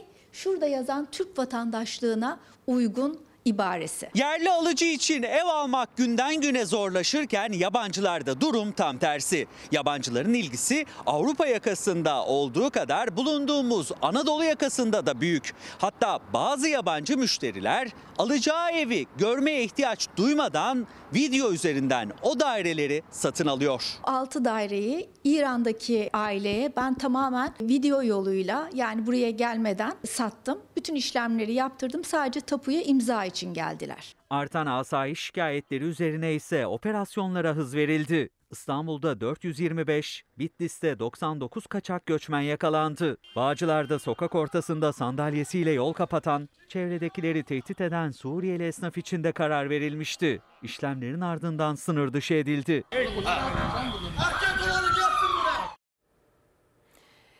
Mesajlar geliyor hani bırakın ev almayı e, tavuk almak dahi zor dedirten mesajlar geliyor. Nihal Hanım bir durumu anlatmış bize. Sitemizde bir ifra, iftar yemeği tertipledik. Masrafları belirlemek için bir fiyat araştırması yaptım. Yaptığım araştırmadan sonra en ucuz market üzerinden araştırma yapmış ve oraya gitmiş. 4 gün sonra gitmiş. 4 gün sonra bütün tavuğun kilosunun 30 liradan 39 liraya, çorbalık tavuğun fiyatının 15 liradan 22 liraya çıktığını görmüş. Her şeyi zamlı olarak almış oldum. 4 gün önceki hesap çarşıya uymadı diyor gönderdiği mesajda. Evet e, hesap Evde yapılan hesap çarşıdakine uymuyor maalesef. Pek çok mesaj geliyor bununla ilgili. Türkiye'de üretici olmanın ne kadar zor olduğu ile ilgili mesajlarınızı da görüyoruz. Bir izleyicimiz de demiş ki tarım arazilerinin katledilmesi konusunda muhalefetin ne yaptığını merak etmiş vekilimize yönelik bir soru. E, çünkü bu konuda hassas biliyorum demiş. Tarım arazilerinin katledilmesi demişken geçtiğimiz haftalarda Edirne'de yaşanan bir e, zift skandalından bahsetmiştik hatırlarsanız. O konunun takibini sürdürüyoruz. Bakın gelinen nokta ne? 5000 tonluk deponun duvarı yıkıldı. 1500 ton zift yola döküldü. Asfalt yolda kullanılan hızlı bir şekilde de sertleşen bir malzeme olmasından dolayı yayıldığı ilk andan itibaren sertleşmeye başlamıştır. Edirne merkeze bağlı Hasan Ağa köyü mevkiinde yol yapımında kullanılan malzemenin bulunduğu deponun duvarı yıkıldı. Sızan zift yaklaşık 5,5 dönümlük araziye yayıldı. Şantiye çalışanları dere yatağında ilerleyen ve 30 dekar alanda etkili olan ziftin yayılımını topraktan yaptıkları setle durdurdu. Bölgede kepçelerle temizlik çalışması başlatıldı. Firmanın faaliyetleri durduruldu. Çevre, Şehircilik ve İklim Değişikliği İl Müdürlüğü ÇED raporu olmadan faaliyet gösterdiği tespit edilen firmaya idari yaptırım cezası kesti. Araziden e, malzemenin e, kaldırılması e, tamamlandı. E, ondan sonra bu bundan sonraki süreçte de arazinin e, toprak yapısı olarak eski haline rehabilite edilmesi var. Onu da ivedilikle yapılacaktır. Zift araziden 7 günde temizlendi. Alınan numune TÜBİTAK'a gönderildi. Ancak analiz sonucu henüz belli olmadı. Bakalım nasıl bir analiz sonucu gelecek onu da takip edeceğiz diyelim. Reklama gidelim. Günaydın sevgili izleyenler. Tekrar tekrar günaydın dediğimiz bir yayının daha sonuna geldik. Hemen ekranın yan tarafından emeği geçen tüm e, ekip arkadaşlarımın isimleri geçiyor. Onlara teker teker teşekkür ediyoruz. Biz vitrindeyiz. Onlar arkada emekçi. Buradaki varlığımızın aslında e, teminatılar öyle söyleyelim. Bu içerikleri hazırlıyorlar diyelim. Yarın sabah saatler 8.30'u gösterdiğinde biz yine tüm hazırlıklarımızla Türkiye'den ve dünyadan tüm gelişmelerle karşınızda olacağız. O zamana kadar hoşçakalın.